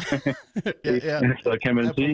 Ja. Det var, det var, det var, der, det var det, jeg var lidt ude i at undre mig over. Ikke? Jo. Så øh, helt klart, det er et kæmpe pres, det her med, at, at hele ens skæbne, hele ens liv, det hviler på ens egne skuldre på alle måder. Det gør det jo også i høj grad. Men der er også bare andre faktorer. Altså, selv hvis man ikke tror på Gud, så er der noget, der hedder held. Ikke? Altså, Jo, der er bare, altså, Åh, Gud, det ja. tror jeg i hvert fald på.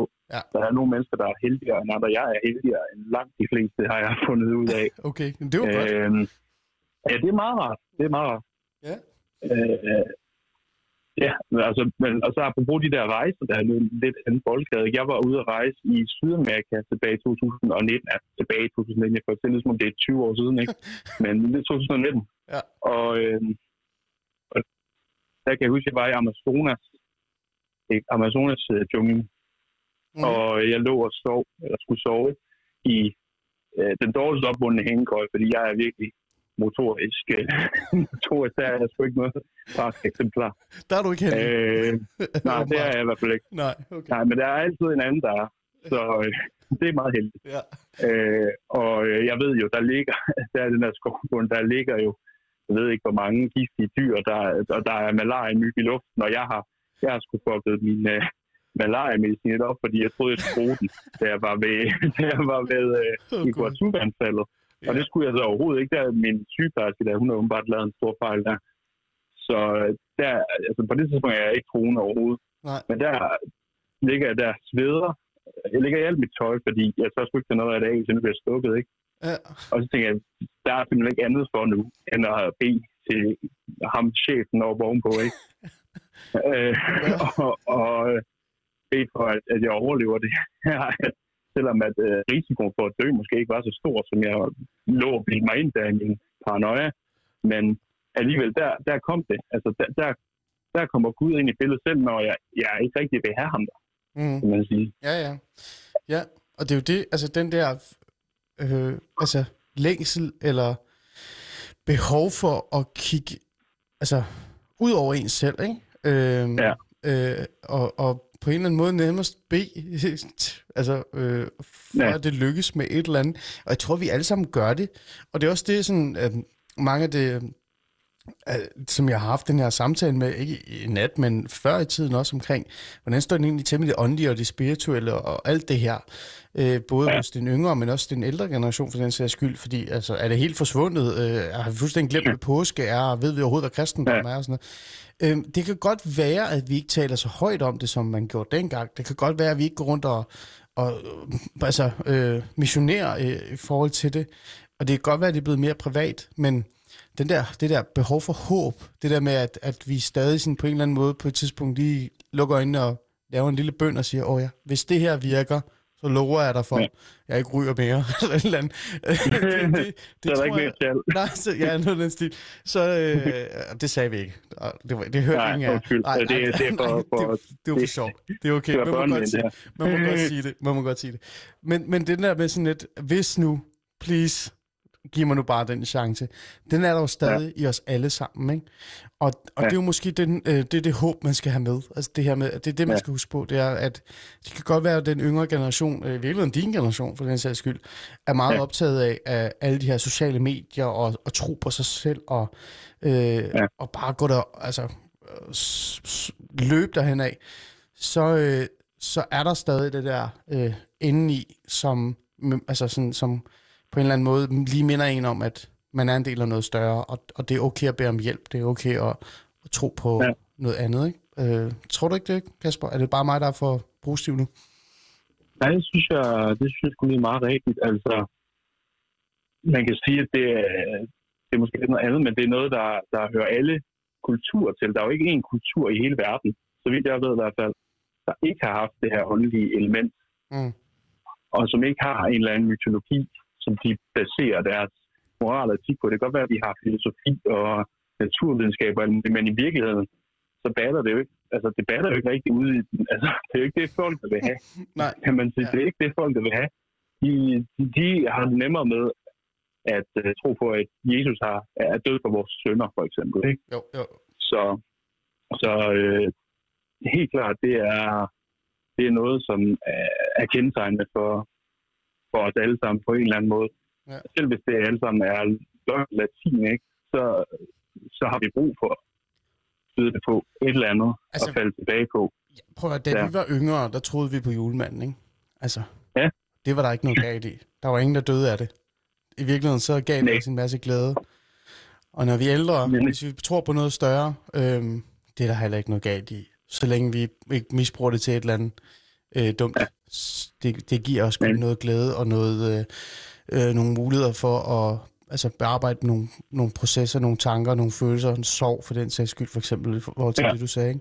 Og det, det er der ikke noget galt i. For vi kan ikke, altså, man kan ikke klare sig 100% alene. Det vil jeg mene, at man ikke kan. Og det er så Ja, med en altså. udfordring til jer lyttere derude, øh, især jer unge. Kom i gang. Lad være med at tro, I kan klare det hele alene. Ikke har brug for noget hjælp. Kasper, jeg bliver nødt til her at spørge til sidst. Øh, det er jo sådan super interessant. Hvor er du hen i din rejse nu, egentlig? Og det er ikke, fordi du skal sådan give mig et svar på det, men det er, jo- det er jo en fantastisk rejse, du har været på i virkeligheden, ikke? Ja. Altså sådan, øh, det, er, det er virkelig spændende at høre. Øhm, du er blevet mere spirituel og åndelig anlagt igen. Ja. ja. Ja. Hvad tror du, der sker? Det næste? Hvor er du henne? Det er, det er godt nok godt at vide. Altså, jeg fik en bog hen ved Føtex i, på Nørrebro i dag, Ja. der hedder Vejen til Kristus. Øh, Ellen White, en meget berømt bog, åbenbart, som jeg aldrig har hørt om før. Okay, det har jeg faktisk heller ikke Men, hørt om. Nej. Nej, men den skulle være solgt i utrolig mange eksemplarer og så videre. Okay. Så øh, det kan være, at jeg skulle læse den. Altså, uanset hvad, så synes jeg, at jeg skal gå dybere ind i alle de her ting og argumenter for ja. Gud og imod Gud og så videre, og øh, reflektere mere over det selv også, og være i den her spiritualitet øh, gennem, hvad ved jeg, musik og litteratur og så videre, Mm. og, og opleve, opleve det. Øh, Ja. Og så må vi se, hvor det ender, ikke? Jo. Men uanset hvad, er det, er det utroligt, utroligt spændende sted at være, øh, vil jeg sige. Jeg tror, det var ordene for dig, som gjorde, at det lige sådan øh, pakkede det hele sammen og, og gav mening øh, for, øh, for den her, ja. øh, den her snak. Tak fordi du ville være med, Kasper. Øh, det, det var var rigtig lidt. fedt at høre din historie og din rejse. Og det er jo netop den her rejse, som jeg tænker er så vigtig, når man er i den alder, som du er. Jeg har også selv været på den på en eller anden måde i virkeligheden. Øh, og det er Ja. den rejse, jeg håber, øh, man stadig kommer på som ung i virkeligheden. Altså det her med, at man kommer igennem noget, nogle, altså nogle, nogle refleksioner, nogle tanker, øh, man gør op med sig selv, og man tror på noget større, eller man tror på sig selv, eller hvordan det er. Øhm, og det virker som om, at øh, hvis du som 23-årig har været igennem sådan en form for rejse, så, så er det ikke forsvundet helt. Øh, det, det er sådan noget, nu, jeg holder fast i et eller andet håb i dig. det er virkelig ikke. men Ja. men øh, jeg tænker, at øh, det må være de, sidste ord her i forhold til vores, øh, vores snak. Er der noget her på falderæbet, du gerne vil sige højt, Kasper, i virkeligheden? Det skulle du lige have lov til Ja, at stemme af. ja, ja, jeg ved sgu ikke om, jeg ved nærmest ikke, om vi skal sige det, fordi det, det, nu er du lige sluttet på en øh, positiv øh, øh, tangent der, ikke? Men jeg, jeg vil sige, alligevel når jeg ser på, og nu lyder jeg jo gammel, men når jeg ser på min nevøer, min nevø og mine næser og sådan noget, øhm, og andre, der er yngre end mig, men stadig sådan nogenlunde inden for samme generation, generation Z, ikke, hvis man går op i den slags, Mm. så, så, så, så kan jeg godt være bange for, at, at det er noget, der forsvinder.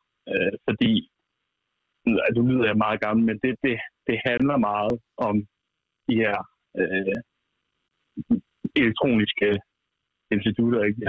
Vi hele tiden har i hænderne, Jeg ved godt, hvad du og mener. som, øh, Ja. ja, Ja. som der hele tiden er adgang til. Ja. Og det, det, jeg kan ikke være med at tænke, hvordan fanden skal de nogensinde få snuden i en bog, der, der ja, hvordan skal de nogensinde læse forbrydelse og straf, eller et eller andet, ikke?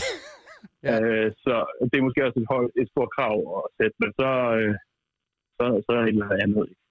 Øh, det kan jeg ikke, øh, Nej. det kan jeg ikke lade være med nogle gange at spekulere over og bekymre mig for. Mm. Men, Men der er skal også- nok være nogen, der, der gør det.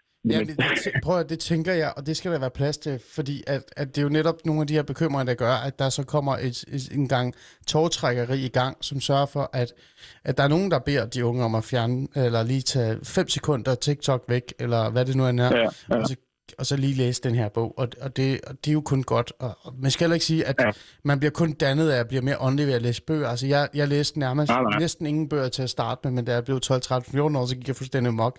Jeg var en af dem, Ja. der også bare spillede computer og gamet øh, før jeg sådan ja. Fandt ud af, at øh, jeg også skulle spille fodbold for den sags skyld. Så jeg tror, det er den rejse, øh, man skal på. Altså, så længe der er plads. Ja. til rejsen. Ligesom din rejse. Øh, ja. Og der, længe der er nogen som dig, øh, og omvendt nogen, som altså på den anden side har det modsatte holdning til dig, så længe den der togtrækkeri er i gang, så sker der noget. Jeg tror mere, Jamen, det er der, hvor vi sådan, hvis vi lige pludselig bare dropper det hele og siger, det er sgu okay, vi er så hvad siger vi, sådan trivial, altså sådan tribal anlagt, altså sådan virkelig, at, at det hele Ja. bare bliver sådan klasser og klaner, og at vi bare, altså, der, er der er jo også noget negativt med den her mangfoldighed. Det er jo virkelig godt at være mangfoldig og have diversitet ind, men hvis du bliver så mangfoldig og divers, så alle bare er en del af deres egen lille gruppe, så forsvinder den Ja. her øh, altså, øh, fællesskabsting, ikke? Øhm, Ja. Så øh, skal vi ikke bare sige, så længe det her togtrækkeri er der, så, så virker det måske? Jo, altså det værste, der kan eksistere i den her sammenhæng, det er ligegyldighed. Det tænker jeg også. Men den, den lader desværre også til at eksistere. Men øh, Jeg synes, jeg synes Men ja. hvis du har tid og lyst en dag, øh, eller et øjeblik, altså nu er det så to timer, så det er jo ikke en små podcast i virkeligheden, det her. Der, der bliver nej. Det her program, det kommer ud som podcast bagefter, også til jer lytter. I går, der havde jeg et program om TikTok med fire virkelig okay. Cool øh, kvinder. Og, og, ja. Og jeg tænkte sådan, TikTok, ja, altså TikTok, ikke? Men de her. Ja. kvinder beviste over for mig meget hurtigt, altså efter fem minutter, hvor, hvor meget de reelt set tænker over, hvad det er, de laver, hvad det er for en ja. Content, de sætter ind. Altså, de havde dybe refleksioner og tanker omkring, hvordan de gjorde, de tog deres, deres rolle, øh, hvad hedder det, hvad hedder det, rollemodel øh, til, til, altså virkelig til sig, og de var meget bevidste omkring, hvordan de på en eller anden måde positivt havde en indflydelse på andre. Så den her øh, åndelige og den her øh, ansvarstagen selv i TikTok eksisterer, og den er virkelig. Ja. stærk. Så øh, jeg tænker, der er noget, måske ser det bare anderledes ud, end det vi to er vant til i virkeligheden. Ikke? Ja. Øhm, det er om, ja. og jeg tænker, med de ord, så siger jeg tak for, at du vil være med, Kasper. Jeg har været lidt. fræk at vælge en sang for dig, for jeg havde ikke talt med dig om, hvad det var for en sang, du gerne vil høre, hvis det var. Øh, men Nå, du er okay. velkommen til at øh, skrive til mig, hvis der er en sang, du gerne vil have, jeg skal spille. Så gør jeg det bare senere her nat. Øh, så skriv Ja, ja, okay. til okay. mig her øh, efter det her. Jeg sætter øh, en sang, jeg har hørt rigtig meget her de sidste par dage efter min ma- magværdige, øh, hvad hedder det, um, påskereflektioner. Øh, jeg tror, du kender den, Kasper. Øh, den hedder Amazing Grace. Det er jo, det er jo sådan en Ja, rigtig, ja, ja. man tænker sådan, at det er sådan en rigtig amerikansk øh, nationalsang. Det er det i virkeligheden ikke. Det er en, Nej. en øh, meget åndelig og spirituel sang, som Ja. faktisk først dukket op i USA efter, øh, øh, kan ikke lige huske præcis, hvilken årstal det var, det skal jeg nok lige finde ud af bagefter, det kan jeg sige. Men det kom, øh, da øh, altså, det, det amerikanske blev mere åndeligt bevidst omkring øh, Ja. hele den her sådan, tilgang til samfundet. Det var først der, at den blev populær. Og øh, jeg har fundet den, jeg vil kalde den den originale i virkeligheden. Øh, det er en øh, Judy Collins, der har sunget den med America's Amazing Grace. Og jeg synes, den er rigtig skøn. Så øh, den vil jeg sætte på. Og så vil jeg sige tak til dig, Kasper. Og så skriv lige til mig et ønske, hvis du har det. Ikke? Det skal jeg nok. Det er godt. Tak fordi du var med. Det var slet.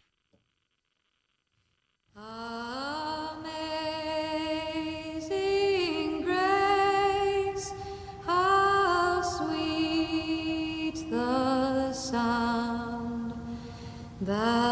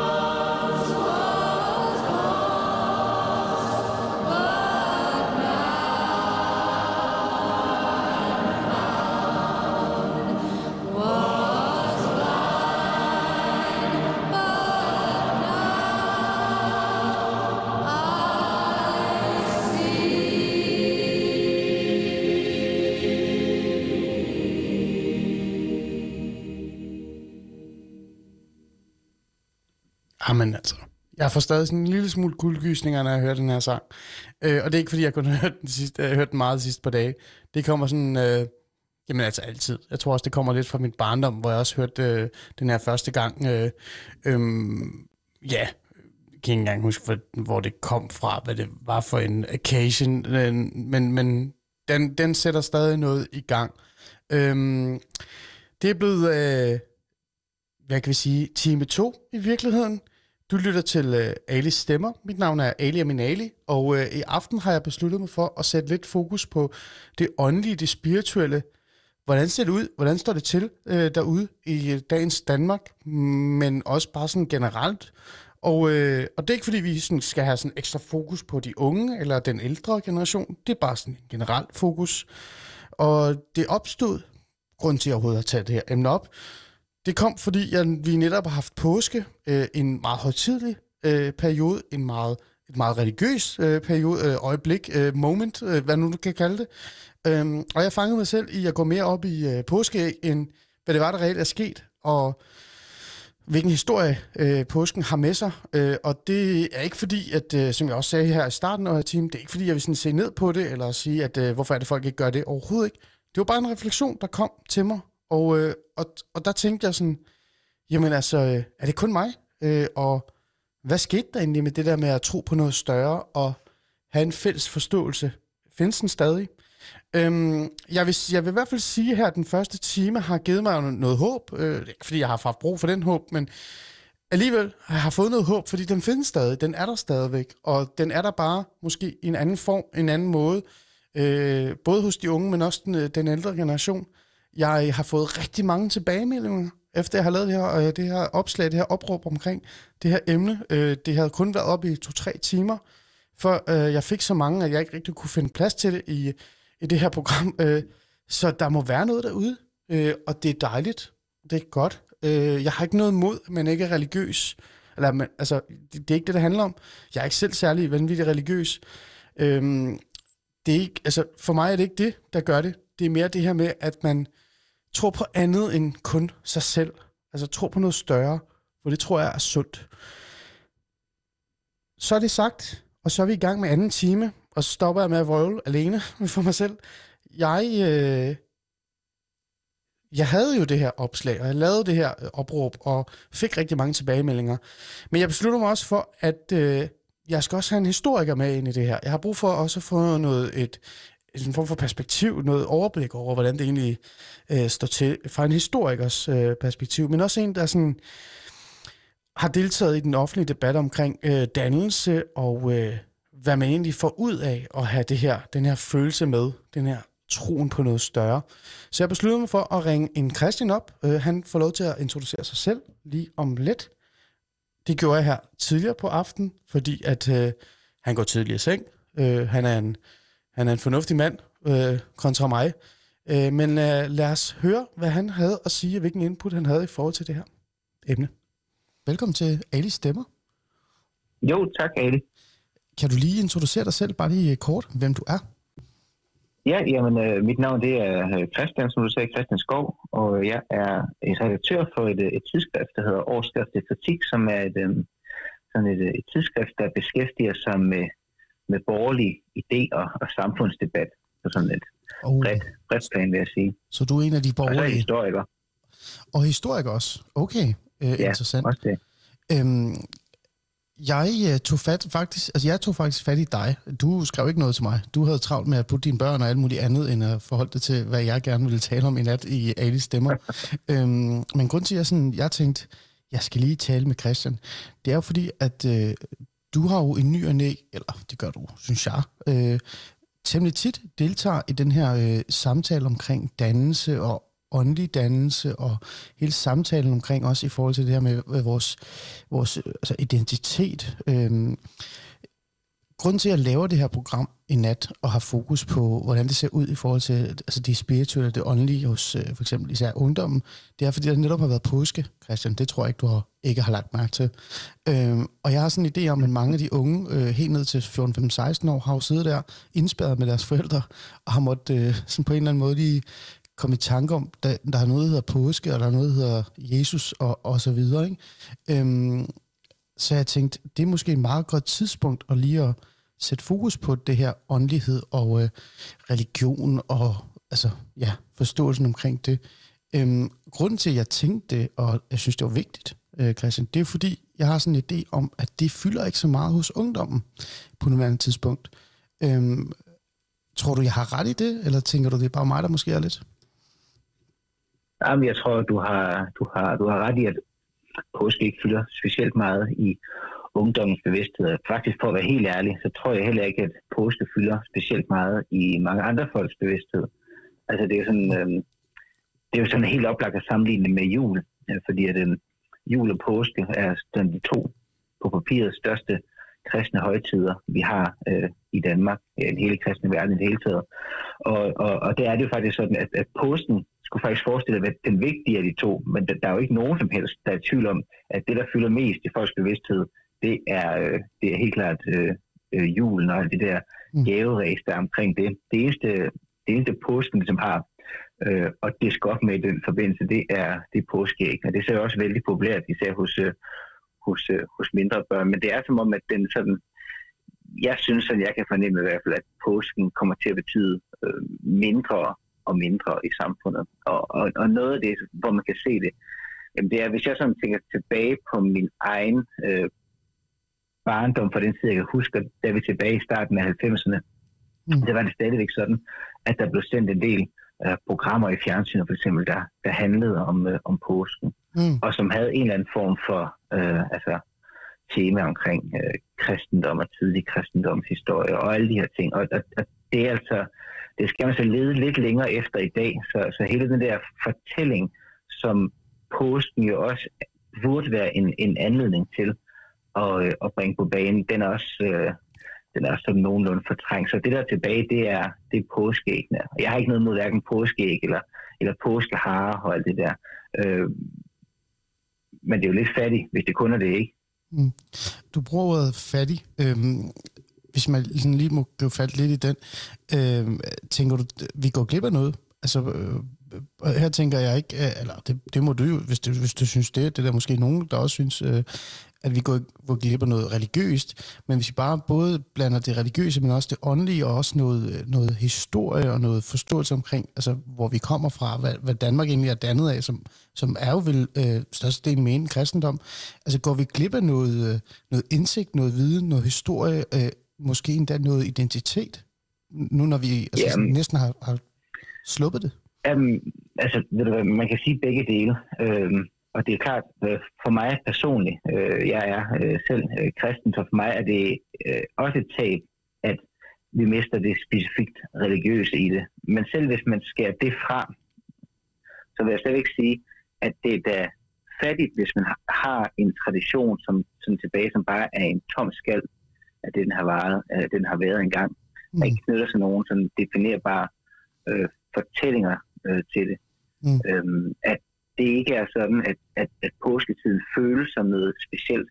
Det man også skal huske på i forhold til det her med det kulturelle, det er, at alle de her højtider, vi har spredt rundt omkring året, de forestiller jo at have noget med, med, med hvad hedder det, Jesu liv at gøre. Altså julen med fødsel, og så påsken med korsfæstelse og, Ja. og så videre. Ikke? Øh, men det er jo i virkeligheden, øh, i virkeligheden så, så, så er det bare noget, man har øh, fundet på. Det, som de her højtider også gør, det er, at de på en eller anden måde også afspejler årets gang. Det giver sådan en naturlig, man kan sige, en naturlig, årets naturlige åndedræt. Så det er også en måde at, at hegne året ind på Mm. og at skabe nogle ritualer i, øh, i hverdagen. Og de ritualer er, eller kan i hvert fald være, hvis man tager den her, ja, hvis man bare den her kulturelle værdi på sig, så kan de have en, øh, en betydning for folk, fordi det ligesom er noget, der, der skaber et, et særligt rum i hverdagen, som adskiller sig fra alt det andet, vi sådan oplever til, til daglig. Mm. Mm. Det, det, det er noget andet end det daglige trummerum, så at sige. Det kan jeg godt følge dig i. Altså, øh, det kan jeg godt, og jeg kan faktisk også godt, jeg, jeg kan faktisk huske det her, nu, da, da du sad her og talte omkring det her, der, der begyndte jeg sådan at komme i tanke om det her med, at påsketiden især, øh, også julen, men påsketiden især, var også et, et sådan, både sådan en, en, en, ja, en reminder om, øh, hvad kristendom egentlig var for noget, hvad det betød, øh, hvilken plads den havde, den havde. altså, og jeg er ikke kristen øh, overhovedet faktisk. Øh, det er sådan lidt hårdt sagt, men det er jeg ikke. Øh, jeg har noget kulturelt øh, kristendom, jeg har fået i mig, fordi jeg netop er blevet dannet øh, og vokset op i, i en by, et, et land, som har det her med sig. Øh, men, men jeg kan huske, at... Øh, at der var de her øh, hvad hedder det, øh, historier, eller de her dokumentarer, eller også film for den sags skyld, øh, i påsketiden, som havde meget sådan afsæt i Bibelen. Og det sad jeg altid og kiggede og så, og synes, det var vildt hyggeligt, og, og, og jeg fik hele den her historie med mig, og, og jeg vidste, altså sådan, jeg forstod, hvad det var for en tid, jeg var i på et tids, på en måde. Øh, og når jeg nu tænker sådan frem til i dag, øh, jeg har to sønner, øh, øh, to små drenge, øh, og jeg, og jeg får lidt dårlig samvittighed nu over for dig, Christian. Men når jeg tænker over det, så det eneste, jeg faktisk gik op i her til påsken, det var, at jeg skulle få noget søvn, og øh, det var meget godt, jeg havde fri, og så skulle jeg lige huske det der med at købe nogle påskeæg og smide dem et eller andet sted hen, så du kunne finde dem. Altså, der var ikke andet. Det, det, det var, den, det var sådan faktisk en tom øh, Nej, oplevelse, men jeg den tror her skal påske. have specielt dårlig samvittighed, vel? Fordi det er det, er det helt generelle, det er Mm. helt generelle billede. Øhm, og jeg tror, altså der er flere ting i det, og, og, og, det, og jeg tror, noget af det allervigtigste, det er, at påsken er, altså på- det, det er, det er fandme stærke sager, der foregår i påsken, hvis man skal, hvis man skal tage det på ordet. Altså alt det her med, øh, du har Palme søndag, hvor, hvor, hvor Kristus han rider ind i Jerusalem, han bliver hyldet som en konge. Mm. Kort tid efter, så bliver han fanget, slået ihjel, og de samme folk, der tilgiver ham, står nu og jubler over, at den bliver øh, revet i stykker under, øh, under torturen. Og så bliver han korsfæstet, alt håb dør, han genopstår siden. Det er, altså, hvor julen ligesom kan være sådan noget hy- hygge noget, Ja. med en, en, en, en bebs, der bliver født, ligesom som lyset i mørket osv., så, så Ja. er vi ude i, i noget af det allervildeste, kristendom overhovedet har at byde på, når vi kommer til påsken. Så den er sådan svær at integrere i den der øh, kultur- og kristne ramme, som vi trods alt har Ja. øh, herhjemme i, øh, i, øh, i, i landet stadigvæk, altså, som jo for sin vis lever og, øh, og har det godt. Så jeg forstår egentlig godt, at det er sådan noget, folk har meget, meget svært ved at håndtere. Altså, for nu at, at, at, komme med et helt sidespor. Forleden dag var der nogen, der skrev i en avis, jeg tror det var Berlinske, Mm. mm. at det var et problem, øh, at der blev vist, øhm, hvad hedder den, øhm, Brødrene Løvehjerte i fjernsynet, altså den her film med Astrid Lindgren, øh, hvor du har de to øh, brødre, øh, Karl og Jonathan Løvehjerte, hvor i starten af filmen en af dem dør. Grunden til, at det var et, øh, de dør begge to. Den, ene dør af tuberkulose, den anden forlod Nu vinduet har du og dør. spoilet det for den næste generation, Jamen, de, de dør, og jeg kan også afslutte, de dør også igen til sidst. De dør hele tiden. Og, og det, som er det problematiske i, i forhold til den artikel, det var, kan vi overhovedet, altså, er, er det overhovedet sundt, er det overhovedet sundt at tale med sine børn om sådan nogle ting som, som døden? Og det er jo klart, at hvis man har et samfund, hvor det er udgangspunktet, at man helst skal beskytte sine børn fra fortællinger om den slags ting, jamen så kan vi heller ikke have med påsken at gøre, fordi påsken handler fandme først og fremmest om, at Kristus dør, Mm. og så genopstår han. Men døden er ligesom forudsætningen for det. Så, så det er simpelthen, der, der er så meget dynamit i den fortælling, at vi har vanskeligt ved at forholde os til det, fordi vi meget gerne vil, vi vil meget gerne skærme os selv og først og fremmest vores børn fra de der, øh, fra de der voldsomme ting. Og så er det sgu nemmere at stikke med et påskeæg. Mm. Nu spørger jeg lige noget personligt. Øh, Hvad, hvad, hvad lavede du i påsken? Øh, Så har du også talt om, om døden med din, øh, med din nærmeste, og øh, for den sags skyld også dine børn. Ja, ja, ja, bestemt, men vi spiste også påskeæg og, og Okay. påskefrokost, en lille påskefrokost, som man nu kan have i de her tider. Men Ja. ja. altså, jeg synes, det er... øh, Altså, der er selvfølgelig grænser for, hvordan man kan gøre det, ikke? Øh, Jo, jo. Øh, Der, der skal også være ret og rimelighed i det. Der er formidlingshensyn, ligesom der er i alle mulige andre, andre sammenhænge. Vi så ikke Passion of the Christ, fordi mine børn, de er 5 og 7 år, og det tænker Den, jeg, det, den det er alligevel for voldsomt. over. Den sprang jeg over. Færdig. Den, Ja. den, den øh, sprang vi trods alt over. Men, men jo, jo, det er klart, at øh, så følger vi øh, de dage, der nu engang er i påsken, og, og så nævner jeg sådan kort, hvad det er, der sker på de her dage, og forsøger få dem til at forstå, hvorfor det er, hvorfor det er vigtigt. Altså, det er nogle ret simple, nemme historier, øhm, som øhm, Mm. det handler om at, at, at, at så de her frø i vores øhm, børn, mens de er små, og så kan de vokse, som de bliver ældre, så er det nogle historier, de kan tage op og tage, tage livtag med, og måske vriste noget mere betydning ud af, når de bliver, øh, når de bliver ældre. Og det er klart, at når man har børn på 25 år, så bliver det væsentligste, de får ud af historien, det er, at det der egentlig var rimelig træls, at folk de først tiljublede Jesus, så slog de ham ihjel. Ja. Og det er jo et ret synd for ham, at han blev korsfæstet. Øh, altså, så, er det, så er det alt den betydning, man kan, øhm, man kan få dem til at forstå. Men, men senere kan det være, at det udvikler sig til noget, til noget andet. Så det er egentlig, altså, det er også en, en, øhm, det er også en god anledning til at få, få taget sådan en snak, der er lidt dybere end, øhm, Nå, hvad har du lavet i børnehaven i dag? Hvad er der sket i Paw Patrol? Og, og den slags ting, som, øhm, Ja. som jeg jo tit forfalder til at tale med, med små, øh, små, Ja. små børn om. Øhm, hvis man skal sådan, øhm, øh, jeg vil ikke sige et løft samtale, men sætte den sådan et skridt længere eller videre, i hvert fald i forhold til den næste generation, tænker jeg. Og her tænker jeg ikke helt hen, altså for eksempel vores børn, men jeg tænker faktisk den generation, Nej. der er nu, øh, og den næste, ja. Ja. den næste, det er sådan, det, det er ned til 13-14-årige. Øhm, nu snakkede vi om det der med, at vi som forældre, eller som samfund måske, er, er, er faldet øh, lidt i den der, vi skal værne, altså vi skal beskytte vores børn for de der øh, forfærdelige historier, og vi skal, sådan, at vi skal også lige passe på, at vi ikke kommer til at krænke nogen, og religion skal heller ikke fylde så meget, for så er der nogle andre, der bliver stødt. Øh, det er jo hele den der identitetspolitiske øh, debat, der er nu, eller øh, nogen kalder det krise, nogen kalder det i virkeligheden også kamp, ikke? Øh, kan man sige på en måde, altså jeg ved ikke, om det er rigtigt det her, men det er bare sådan en antagelse, jeg har, eller en idé, jeg har. Kan man sige på en måde også, at vi sådan måske står øh, også svagt øh, i forhold til den identitet, øh, de næste generationer har, fordi de netop øh, både i folkeskolen, men også i hverdagen, eller i, for eksempel til påsken, ikke rigtig, øh, altså der er ikke den her, den her fokus på åndelighed, og den her fokus på øhm, øh, ja, vores religiøse øh, hvad hedder det, historie. Nu er du jo selv historiker også. Øhm, kan man være sådan lidt, kan man sige, det måske er lidt derfor, at det er gået sådan lidt skidt altså, til? Ja, ja, det synes jeg i den grad, man kan sige. Altså, jeg forstår godt, at der er identitetspolitiske strømninger, fordi der er rigtig mange mennesker hungrer efter mening og betydning i tilværelsen, og, og man må bare sige, at det samfund, vi har skabt, er ikke et, der er særlig god til at give tilværelsen den mening og betydning, fordi den ikke tør stå ved øh, de fortællinger, som ellers er som er udgangspunktet for vores samfund. Mm. Øhm, vi tør ikke fortælle dem videre, og vi tør bestemt ikke gøre det i, øh, i institutionerne, i, øh, i skolerne Mm. og øhm, i medierne. Øh, jeg her tænker jeg først og fremmest på et public service medie som, øh, som, øh, som Danmarks Radio. Altså, vi, jeg synes et eller andet sted, vi som samfund svigter, øhm, svigter den opdragerrolle, vi har. Øhm, fordi det handler selvfølgelig ikke om, at man skal ikke stå... At det, det, jeg siger, er jo ikke, at skolen skal stå og, og prædike det glade eller triste, henholdsvis triste og glade Mm. påskebudskab. Men skolen har da et ansvar for at være med til at starte en samtale om de her ting. Mm. Og i det mindste få, øh, hvad hedder det, få fortalt øh, en historie, som eleverne kan tage op, og Mm. som de kan spejle sig som de kan tage livtag med og måske øh, forkaste.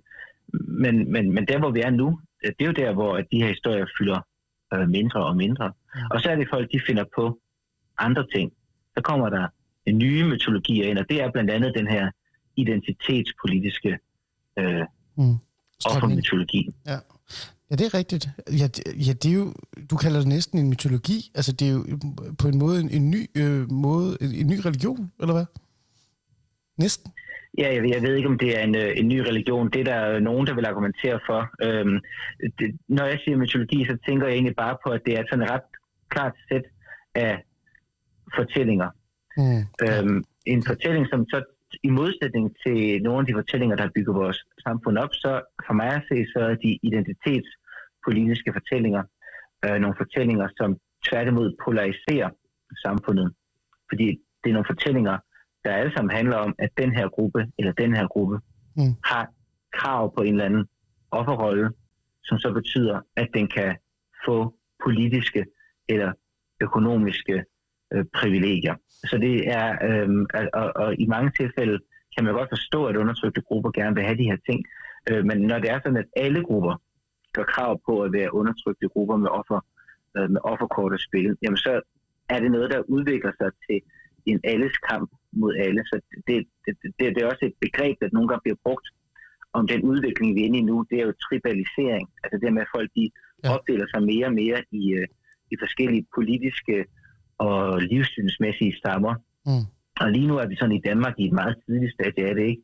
hvor det er sådan ganske få mennesker i virkeligheden, der overhovedet er identitetspolitisk engageret. Mm. Men hvis man vil se, hvor galt det kan gå, når de store fortællinger krakelerer og samfundet tribaliserer, Mm. så behøver vi altså kun at kigge til Amerika, hvor at det politiske system og den kulturelle debat er kørt så meget af sporet, at man ser familier, hvor forældre ikke taler med børnene, fordi at de står på hver sin side af de her store øh, politiske og, og kulturelle spørgsmål. Mm.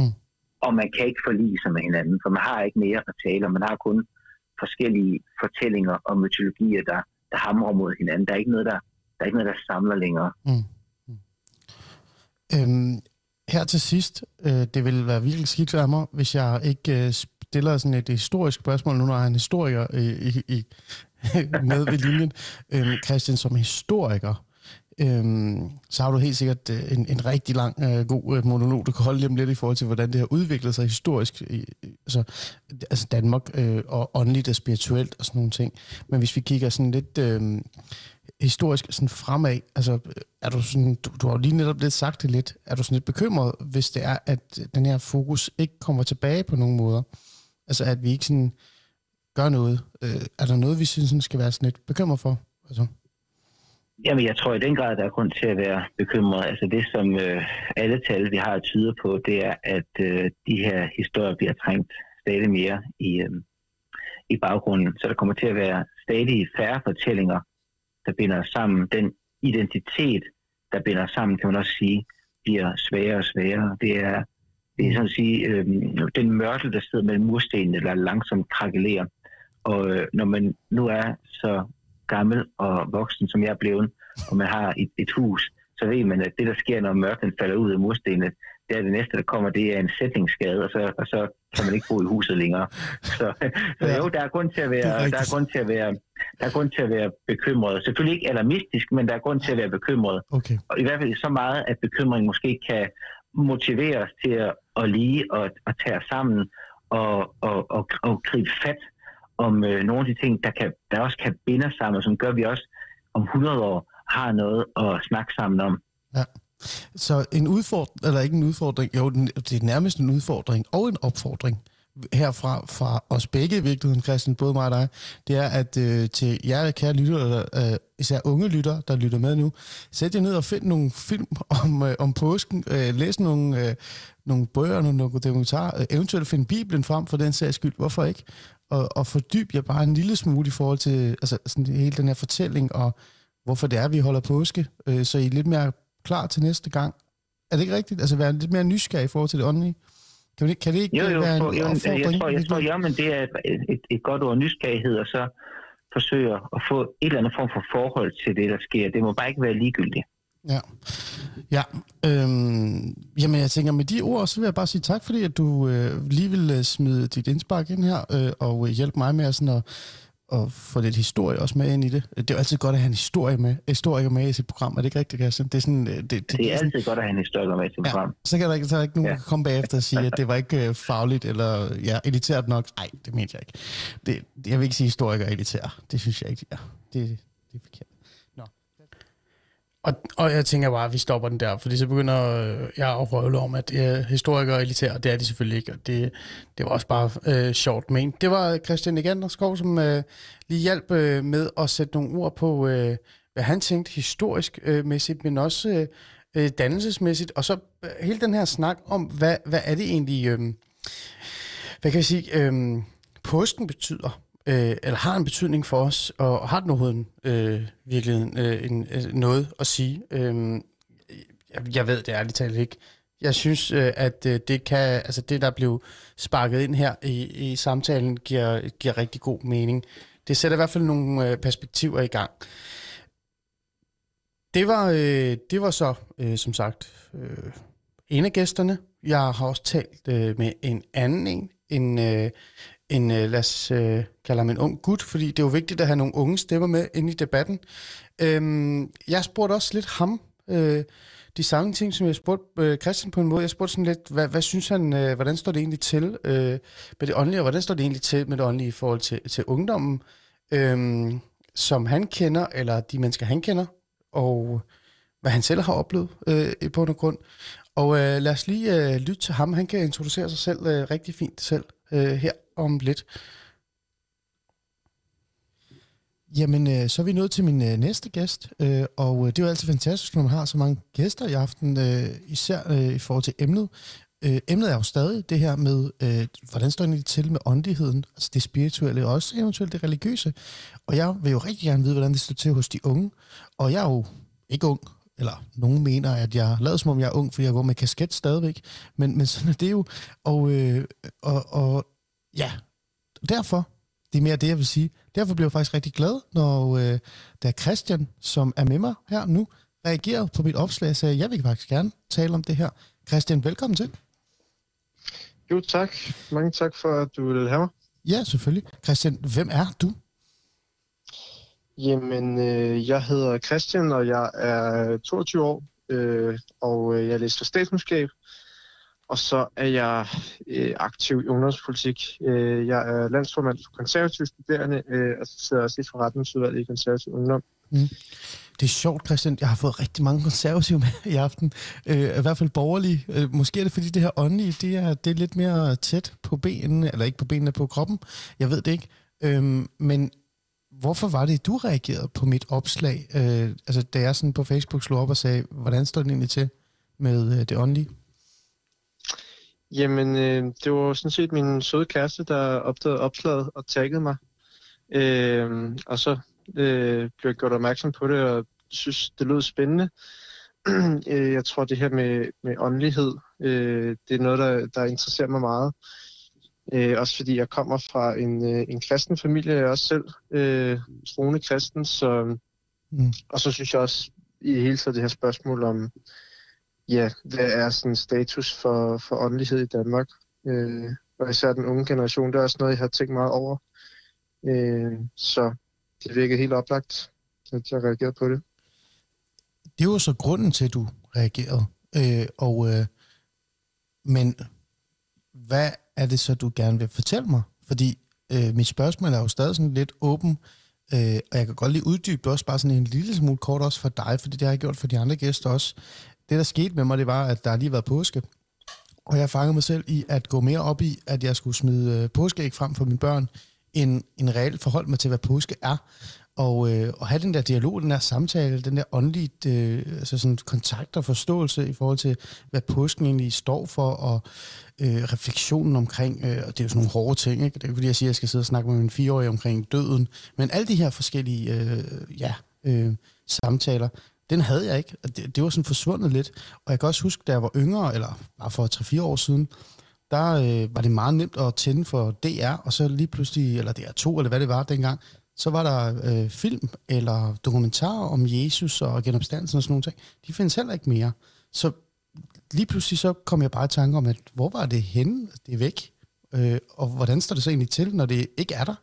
Øh, hvad tænker du om det? Jamen, altså, jeg synes jo selv, at jeg altid har været meget privilegeret, fordi at jeg, fra da jeg var helt lille, har... Øh, altså, jeg er i hvert fald blevet opdraget til at skulle tænke over alle de der ting. Øh, og skulle, ja, hvad hedder det, reflektere over livet og sådan noget. Øh, og det synes jeg egentlig har været en. Øh, fordi det, det, det betyder også, at man tilgår verden, man tilgår hverdagen med en sådan lidt mere, øh, hvad siger man, Ja, man, man er bare mere reflekteret omkring, øh, hvad det er for, for noget, man vil bruge sit liv på. Mm. Mm. Øh, og så, jeg kan sådan, sådan set godt genkende, hvad, du, hvad det er, du siger. Øh, jeg har i hvert fald mødt mange på min egen alder. Jeg synes selv, det var det kulturchok, da jeg startede på gymnasiet, at øh, jeg mødte rigtig mange, som aldrig havde tænkt de der tanker, og aldrig havde tænkt over, jamen, hvad er det, man bruger sit liv på, og hvad, hvad er egentlig meningsfuldt at bruge sin tid på. Mm. Øhm, øh, det synes jeg var lidt en, en øjenåbner for mig. Øh, Mm. Det var også sådan helt konkret, jeg gik fra... jeg kan huske lige, da jeg startede med at følge, med i politik, så var jeg meget stor tilhænger af Liberal Alliance, fordi jeg tænkte, det var vigtigt at få noget lavere skat og sådan noget. Jeg kan, godt, kan godt lide, du griner af det, når du tænker tilbage. Fortæl videre. Nå, nej, det, det, det, er helt, det er helt fair, hvis man, øh, hvis man er tilhænger af det. Ja, jeg tror bare, på, på gymnasiet blev det meget klart for mig, at alle de værdier, som jeg hidtil havde taget for givet, øh, sådan set ikke var nogen, der nødvendigvis var øh, sådan særlig udbredt i Danmark. Så det var nogen, jeg gerne ville jeg vil gerne kæmpe for, at, at, at ja, nogle af de her værdier, og sådan, den, den kristne kulturarv og sådan noget, også fik lidt større betydning for andre mennesker. Mm. Øh, Mm. Danmark. Det kan jeg godt forstå, især også når man selv kommer fra den baggrund, du har. Øhm, men hvis vi lægger den begrav- lidt baggrund til, det kan man jo ikke, man kan jo ikke lægge den til side, det er jo ikke det, jeg siger. Også lige smider det politiske væk øh, for en stund. Øhm, det er jo ikke, fordi jeg har en bekymring. Det havde jeg måske, da jeg startede programmet, så talte jeg med øh, to af hvor, øh, mine, øh, hvad hedder det, øh, ja, dem der deltager selvfølgelig. Øhm, og øh, jeg er derhen af nu, hvor jeg sådan føler lidt, der er lidt mere håb i virkeligheden, fordi så galt står det heller ikke til. Men, men hvad tænker du i forhold til ungdom? Nu er du jo ung. altså, du er mere ung end jeg er i hvert fald. Øhm, det her åndelighed, den her spirituelle refleksion, den her tanke, og den her øh, øh også teknisk set identitet, der reelt kommer med at være mere åndelig bevidst og religiøs bevidst. Øh, og jeg siger ikke sådan på sådan en øh, altså, ekstrem måde, eller, eller hvis du forstår, hvad jeg mener. Det er ikke fordi, jeg sidder og tænker, at man skal gå i kirke hver dag, eller man skal være indre mission, men bare sådan mere øh, en forståelse for det. Altså, er, er den der hos de unge? Eller er det bare Snapchat, TikTok, Instagram og øh, high fives over beerbong? Eller jeg ved ikke, hvad det er, de unge laver. Jeg, jeg ved ikke. Jeg ved det ikke. Øhm, jamen, altså, jeg vil også meget gerne være, være optimistisk. Øhm, men jeg mener, at jeg, ja, jeg ved ikke, jeg, jeg synes, det er svært, det er svært at se for mig, når det er, altså sådan, som jeg ser det, så er vi en hel generation, der er blevet opdraget i den her livsfilosofi, som handler om, at øhm, du skal bare tro på dig selv, og du skal ikke tro på så meget andet end det. Øh, problemet er bare, at det er jo ikke nok bare at tro på sig selv. Altså man, man bliver ligesom nødt til at tro på, at der er noget større end en selv. Øhm, og jeg tror også, det er derfor, man ser, at der er mange unge mennesker i dag, som er, er meget forvirret, øh, meget fortvivlet, fordi at, at de bliver bare kastet ud i, i et stort øh, ingenting, øh, og de har ikke noget fundament, de har ikke noget øh, fast grundlag, ligesom at skulle forholde sig til verden ud fra. Øh, Mm. Og det, det er der, jeg godt kan se, at, at, at der, der er godt mangle noget, ja, hvad, om det så er religiøst eller spirituelt, eller hvad det er. Øh, men der er godt mangle et eller andet, øh, en eller anden form for fundament, fordi at vi er blevet opdraget i en tro om, at jamen, det, at man ikke har et fundament, det er i virkeligheden det, der frigør en. Øh, fordi du skal ikke være bundet af nogle ting, du skal ikke være bundet af forudindtagethed, eller nogle sådan, determinerende idéer om, hvordan verden hænger sammen. Du skal selv skabe dig din egen identitet og din egen forestilling om, hvordan det hele hænger sammen. Mm. Problemet er bare, at det er ikke, det er ikke alle, der kan det, øh, hvis der overhovedet er nogen, der kan det. Så du, øh, det du savner, eller det du øh, et eller andet sted håber på, det vil være lidt, altså, lidt stærkere hos øh, den, den generation, du er øh, en del af, det er den her øh, altså sådan fælles forståelse, eller, eller sådan, bare sådan reelt indsigt i forhold til, øh, Øh, altså, altså, eller, det er jo ikke indsigt, det er jo det der med at tro på noget større end sig selv, ikke? Fordi, øh, er det ikke det, du siger til mig sådan lidt der, når du får at vide fra barns ben, at du bare skal tro på dig selv og tro på dig selv, og så når du står på et tidspunkt, hvor du står i en, øh, en, en lille livskrise, du får ikke de rigtige karakterer, din kæreste slår op med dig, hele de der basale ting, der bare sker for unge mennesker, når de er unge, øhm, så, så kan man jo ikke tro på sig selv længere, og så har man bare ingenting. Er det det, du, du sådan siger? Øh, er det der, du, du, du sådan tænker, at det her, det, det går galt?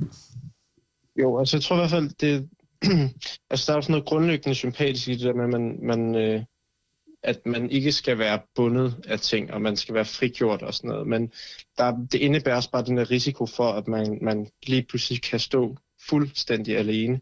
Øh, og altså, vi mennesker, vi har bare brug for et eller andet at, at klynge os til, et, om det så er et håb, eller en familie, eller en tro, eller en religiøsitet. Altså, vi har brug for et eller andet øh, ud over os selv. Øhm, Mm.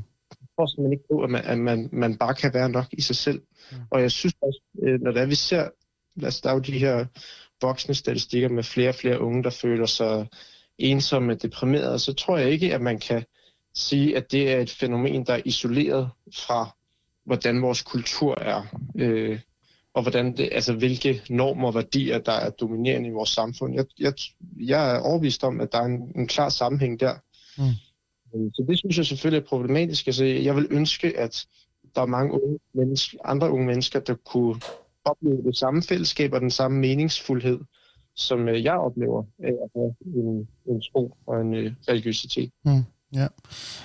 Kan det skyldes, øh, Christian, at vi måske også øh, i de senere år, øh, både politisk, men også samfundsmæssigt, har haft så meget fokus på øh, udefrakommende øh, hvad hedder det, religiøse grupper, øh, kan man sige. Det er ikke det, det skal handle om, men det, vores, altså vores syn på, på det religiøse og det spirituelle og åndelige måske er blevet negativt.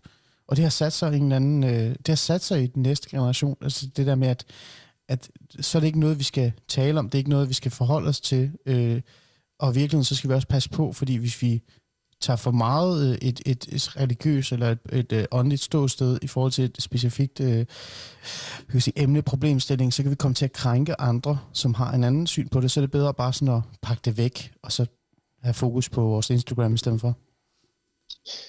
Øhm, altså jeg mener, jeg, jeg tror, at det, det er kommet øh, tidligere end det. Altså jeg tror, det, det har noget at gøre Mm. med hele den kulturradikale bevægelse og øhm, jamen, altså hele den der den her relativistiske tanke om, at øhm, jamen, om at man, man ikke skal lade sig styre af traditionelle hierarkier og sådan noget. Mm. Men det er klart, at når der, når der så kommer nogle befolkningsgrupper til, som har en meget stærk tro, og som har, ja, som jo på nogle områder er øh, som taget ud af øh, det forrige århundrede, Mm. øh, så øh, det kan jo godt forskrække lidt. Øhm, og altså, jeg er jo ikke den, der står og plæderer for, at, at andre danskere skal tage den form for...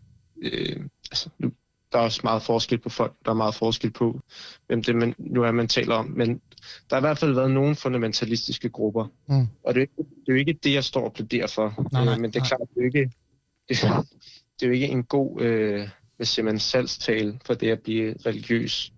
Øh, men jeg tror i virkeligheden, at når man så ser, at folk de reagerer så kraftigt på det, Mm. øh, og vi danskere reagerer så kraftigt på det, og kommer med alle mulige politikker, som ikke nødvendigvis er særlig konstruktive, så vidner det for mig også om en eller anden form for armod og en eller anden form for tomhed, fordi vi ikke har noget øh, at modsvare den her meget stærke kultur og meget stærke religiøsitet med, fordi Mm. at vi i mange årtier ligesom har, har dannet en kultur, som ikke har nogen af de der værdier. Mm. Og så er det klart, så, så kommer der en, nogen, en befolkningsgruppe med meget stærk øh, kultur, øh, og, og det virker da skræmmende, fordi altså, vi er ikke særlig stærke i vores egen kultur, vi er ikke særlig, særlig stærke i vores egen åndelighed. Så det er klart, det virker skræmmende, når der kommer nogen, som virkelig dyrker det meget. Det, det giver mening. Altså, det gør det. Øh, Og det er jo tilbage til den der sådan, fælles øh, identitet og, og det fundament, man nærmest også skal sige, øh, som på en eller anden måde er vigtigt at have. Øh, jeg, jeg har jo sådan tidligere deltaget i den her øh, debat, den her samtale omkring øh, det spirituelle, det åndelige, og, øh, hvor jeg mener, at der skal være, jeg vil ikke sige mere fokus på det, men der skal bare være plads til det, øh, især hos den næste generation. Fordi at øh, der er brug for noget fundament, der er blevet, kan blive bygget op, og man har brug for at tro på noget større end bare sig selv. Fordi på den måde, så kan man stå stærkere, både når man kommer i tvivl øh, i forhold til sådan, øh, altså vigtige emner i, i sit liv, men også når der kommer noget udefra, eller, øh, eller noget, der sådan gør en øh, ja, bekymret for den sags skyld.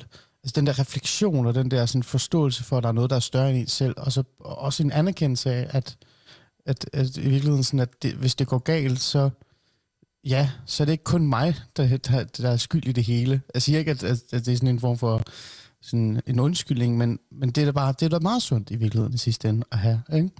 Øhm, her til sidst, Christian, tænker jeg, øh, det var bare min egen tanke, der kom lige der, men her til sidst, øh, tilbage til den der påske, øh, hvad hedder det, øjeblik, jeg havde.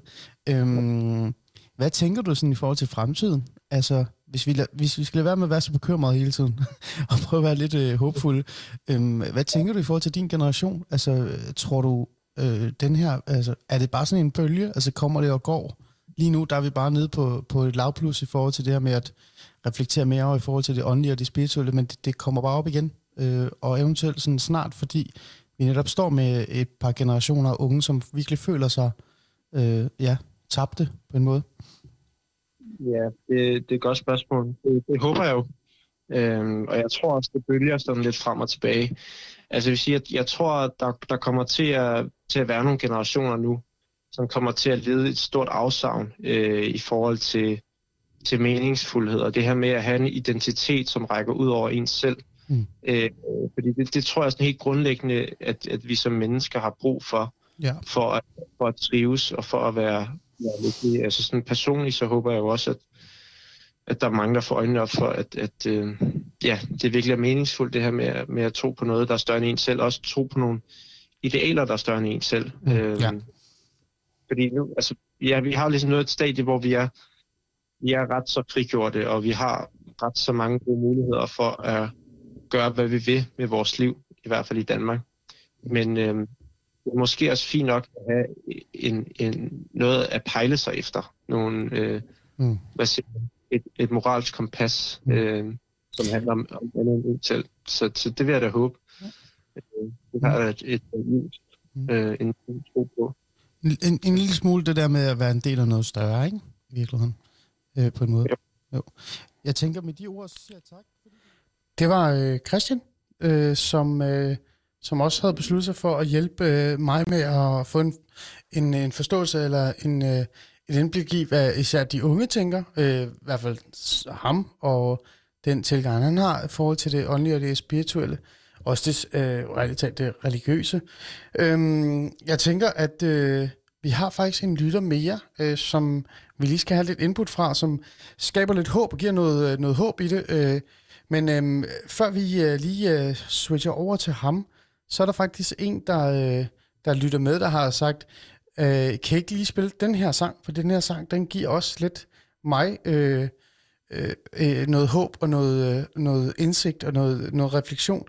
Øh, personen skriver, at øh, de ikke selv øh, er troende i den forstand, men øh, har lyttet med og kan genkende det der med, at når noget ser rigtig skidt ud, så, t- så kommer den her følelse af noget større, og øh, også øh, behovet for at, og, og, hvad hedder det, at bede, eller bede om, om noget, noget større, øh, altså bede om hjælp i virkeligheden. Øhm, så lad os da sætte den på hurtigt, og så vender vi lige tilbage med øh, den sidste gæst og en kort øh, indspark og noget håb i virkeligheden, før vi øh, runder aften af. Øhm, det er Pray to You fra The White Buffaloes, der er blevet øh, ønsket lidt, øh, og jeg tænker, når det er en, der lytter med, så skal ønsket da opfyldes, især når det er så en god øh, beskrivelse af, hvorfor faktisk den her sang også øh, giver mening. Lad os øh, høre den. How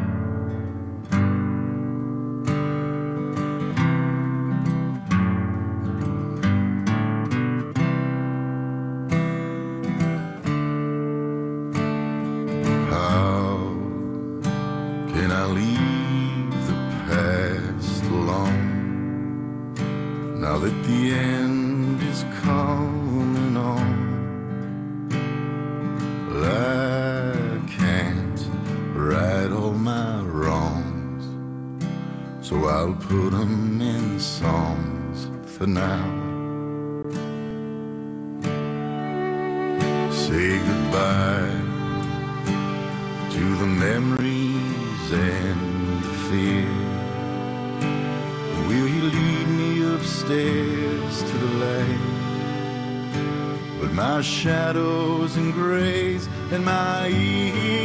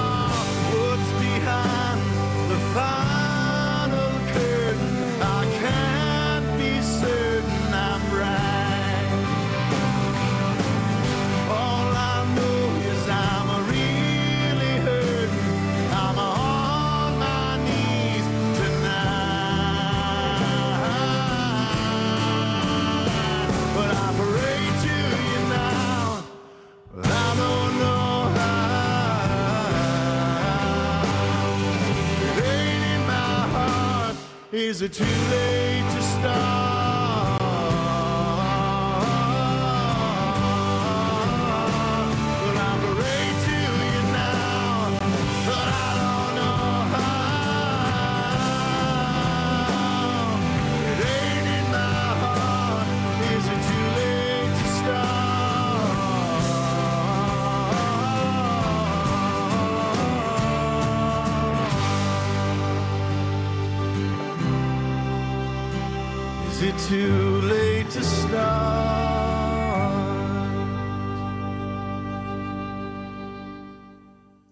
Det var Pray to Now. Pray to You Now. Det skal jo siges rigtigt. Øh, med uh, The White Buffaloes. Et uh, lille ønske, der kom uh, lige pludselig fra en, en lytter. Uh, tak for det ønske, og tak for den der lille historie, du også kom med. Uh, vi er ved at nå til vejs ende, uh, det her program. Uh, jeg havde faktisk en, en, en lytter mere, som havde bidraget med en, nogle rigtig gode indspark, men vi kan reelt set bare ikke rigtig nå det, fordi det har været, øh, der har været så mange gode historier, så det må, øh, må vi have til gode, når vi laver en 2,0. Jeg tænker, det her emne, det kræver, at, at vi tager lidt mere tid øh, og bruger lidt mere tid på det, så der kommer nok en, en 2,0, og der tænker jeg så, at vores, øh, øh, vores øh, det her indspark, jeg havde klar til jer, det, der øh, tænker jeg, jeg inviterer gæsten ind i studiet, i Aarhus-studiet, så vi kan få en bedre øh, samtale omkring det. Der er noget håb i det, men, men hvis man skulle øh, tage øh, hans øh, øh, persons indspark øh, ind, øh, bare lige kort her, som også et eller andet sted er blevet lidt mit her til sidst, så er det jo i virkeligheden, at det står altså ikke så skidt til i virkeligheden. Altså det, det, det, det er okay. Øhm, vi, vi er okay, vi er med. Både vores, øh, vores unge, men også, øh, hvad kan vi sige, vores, øh, bare sådan os alle sammen i virkeligheden. Og, øh, og det kan godt være, at det ikke er det samme som altid. Altså det her med, at, øh, hvad kan vi sige, altså den her følelse af, at, at øh, eller, eller at man, jeg vil ikke sige følelse, at man faktisk kan se det. Altså man kan mærke, at okay, der er, øh, der er man religiøs bevidst. Der er noget, der er noget dannelse, der kommer ud af det. Vi har, vi har enorm fokus på øh, for eksempel, øh, hvad hedder det, det her med, at øh, hvad påsken er for noget, og, og, og sådan nogle ting. Og, og når man så tænder for, øh, hvad hedder det, ja, øh, DR2 eller et eller andet i påsketiden, så er der masser af programmer omkring Jesus og sådan noget. Altså det, det er også måske meget gammeldags i virkeligheden, når man tænker over det øh, for mig, og meget sådan øh, visualiserende i virkeligheden. Altså det er sådan, som om det skal være i mit ansigt, for jeg sådan tror, at det, øh, det giver mening, og det findes. Øh, det er måske lidt gammeldags. Øh, jeg har i hvert fald blevet, jeg er, ved, jeg er mere positiv. Jeg er mere sådan øh, en forståelse for, at det findes derude, og at, øh, at vi er åndelige bevidste. Øh, det fylder måske bare lidt mindre. Vi er måske blevet lidt mere, øh, hvad kan vi sige, private omkring det. Og at øh, vi sådan dyrker det på nogle andre måder. Især vores, vores unge, vil jeg sige, som går op i ekstremt mange andre ting, øh, eller flere ting, end vi nogensinde har gået op i. Altså klimakrisen og øh, økologi, øh, bevidsthed omkring alt muligt øh, andet. Øhm, det tænker jeg i hvert fald. Jeg ved ikke, om det er rigtigt, men det tænker jeg. Og, øhm, og det er måske en meget god øh, sådan sløjfe at smide på i virkeligheden. Øhm, det skal sgu nok gå. Det åndelige er der. Og øh, så længe vi et eller andet sted kan kigge opad, og så, eller nedad, eller til højre eller til venstre, hvor vi nu end har lyst til at kigge, og så tænke, øh, der er noget større end os. Der er noget, der, der giver mening. Så tror jeg sgu, at det nok skal gå. Jeg har et, øh, et, øh, et sidste ønske, en ønskesang her fra... Øh, ja, det var faktisk Kasper. Han har faktisk skrevet til mig og sagt her, jeg vil gerne ønske mig øh, Black Sabbath med After Forever. Øh, og det, det tænker jeg, at det er sgu en meget god måde at, øh, at slutte af på, ikke? Altså runde aften af på, øh, på sådan lidt mere rock and roll-agtig måde. Øh, og det vil jeg give ham lov til. Altså, jeg tænker, det, det er en god sløjfe sæt på det.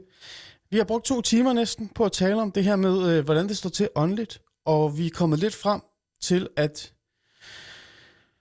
at det ser måske meget godt ud. Øh, at øh, det kan godt være, at vi er bekymrede, men øh, som vi også snakkede om mig og Kasper, det her togtrækkeri, det er der jo behov for. Der er jo behov for den her form for togtrækkeri.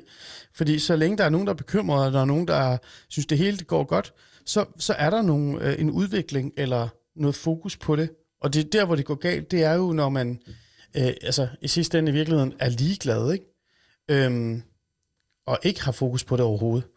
Så øh, med, med hans ord, Kasper, øh, og øh, faktisk hans sang, så vil jeg bare sige tak for i aften. Her kommer After Forever med Black, med Black Sabbath, hedder det jo så. Vi tales ved, vi ses ved, og vi lyttes ved. Husk, I kan lytte øh, til alle afsnit, øh, der hvor I finder jeres øh, favoritpodcast.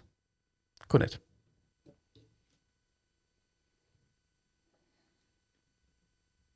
Og så vil den selvfølgelig ikke virke. Det er jo selvfølgelig typisk. Så prøver vi herover.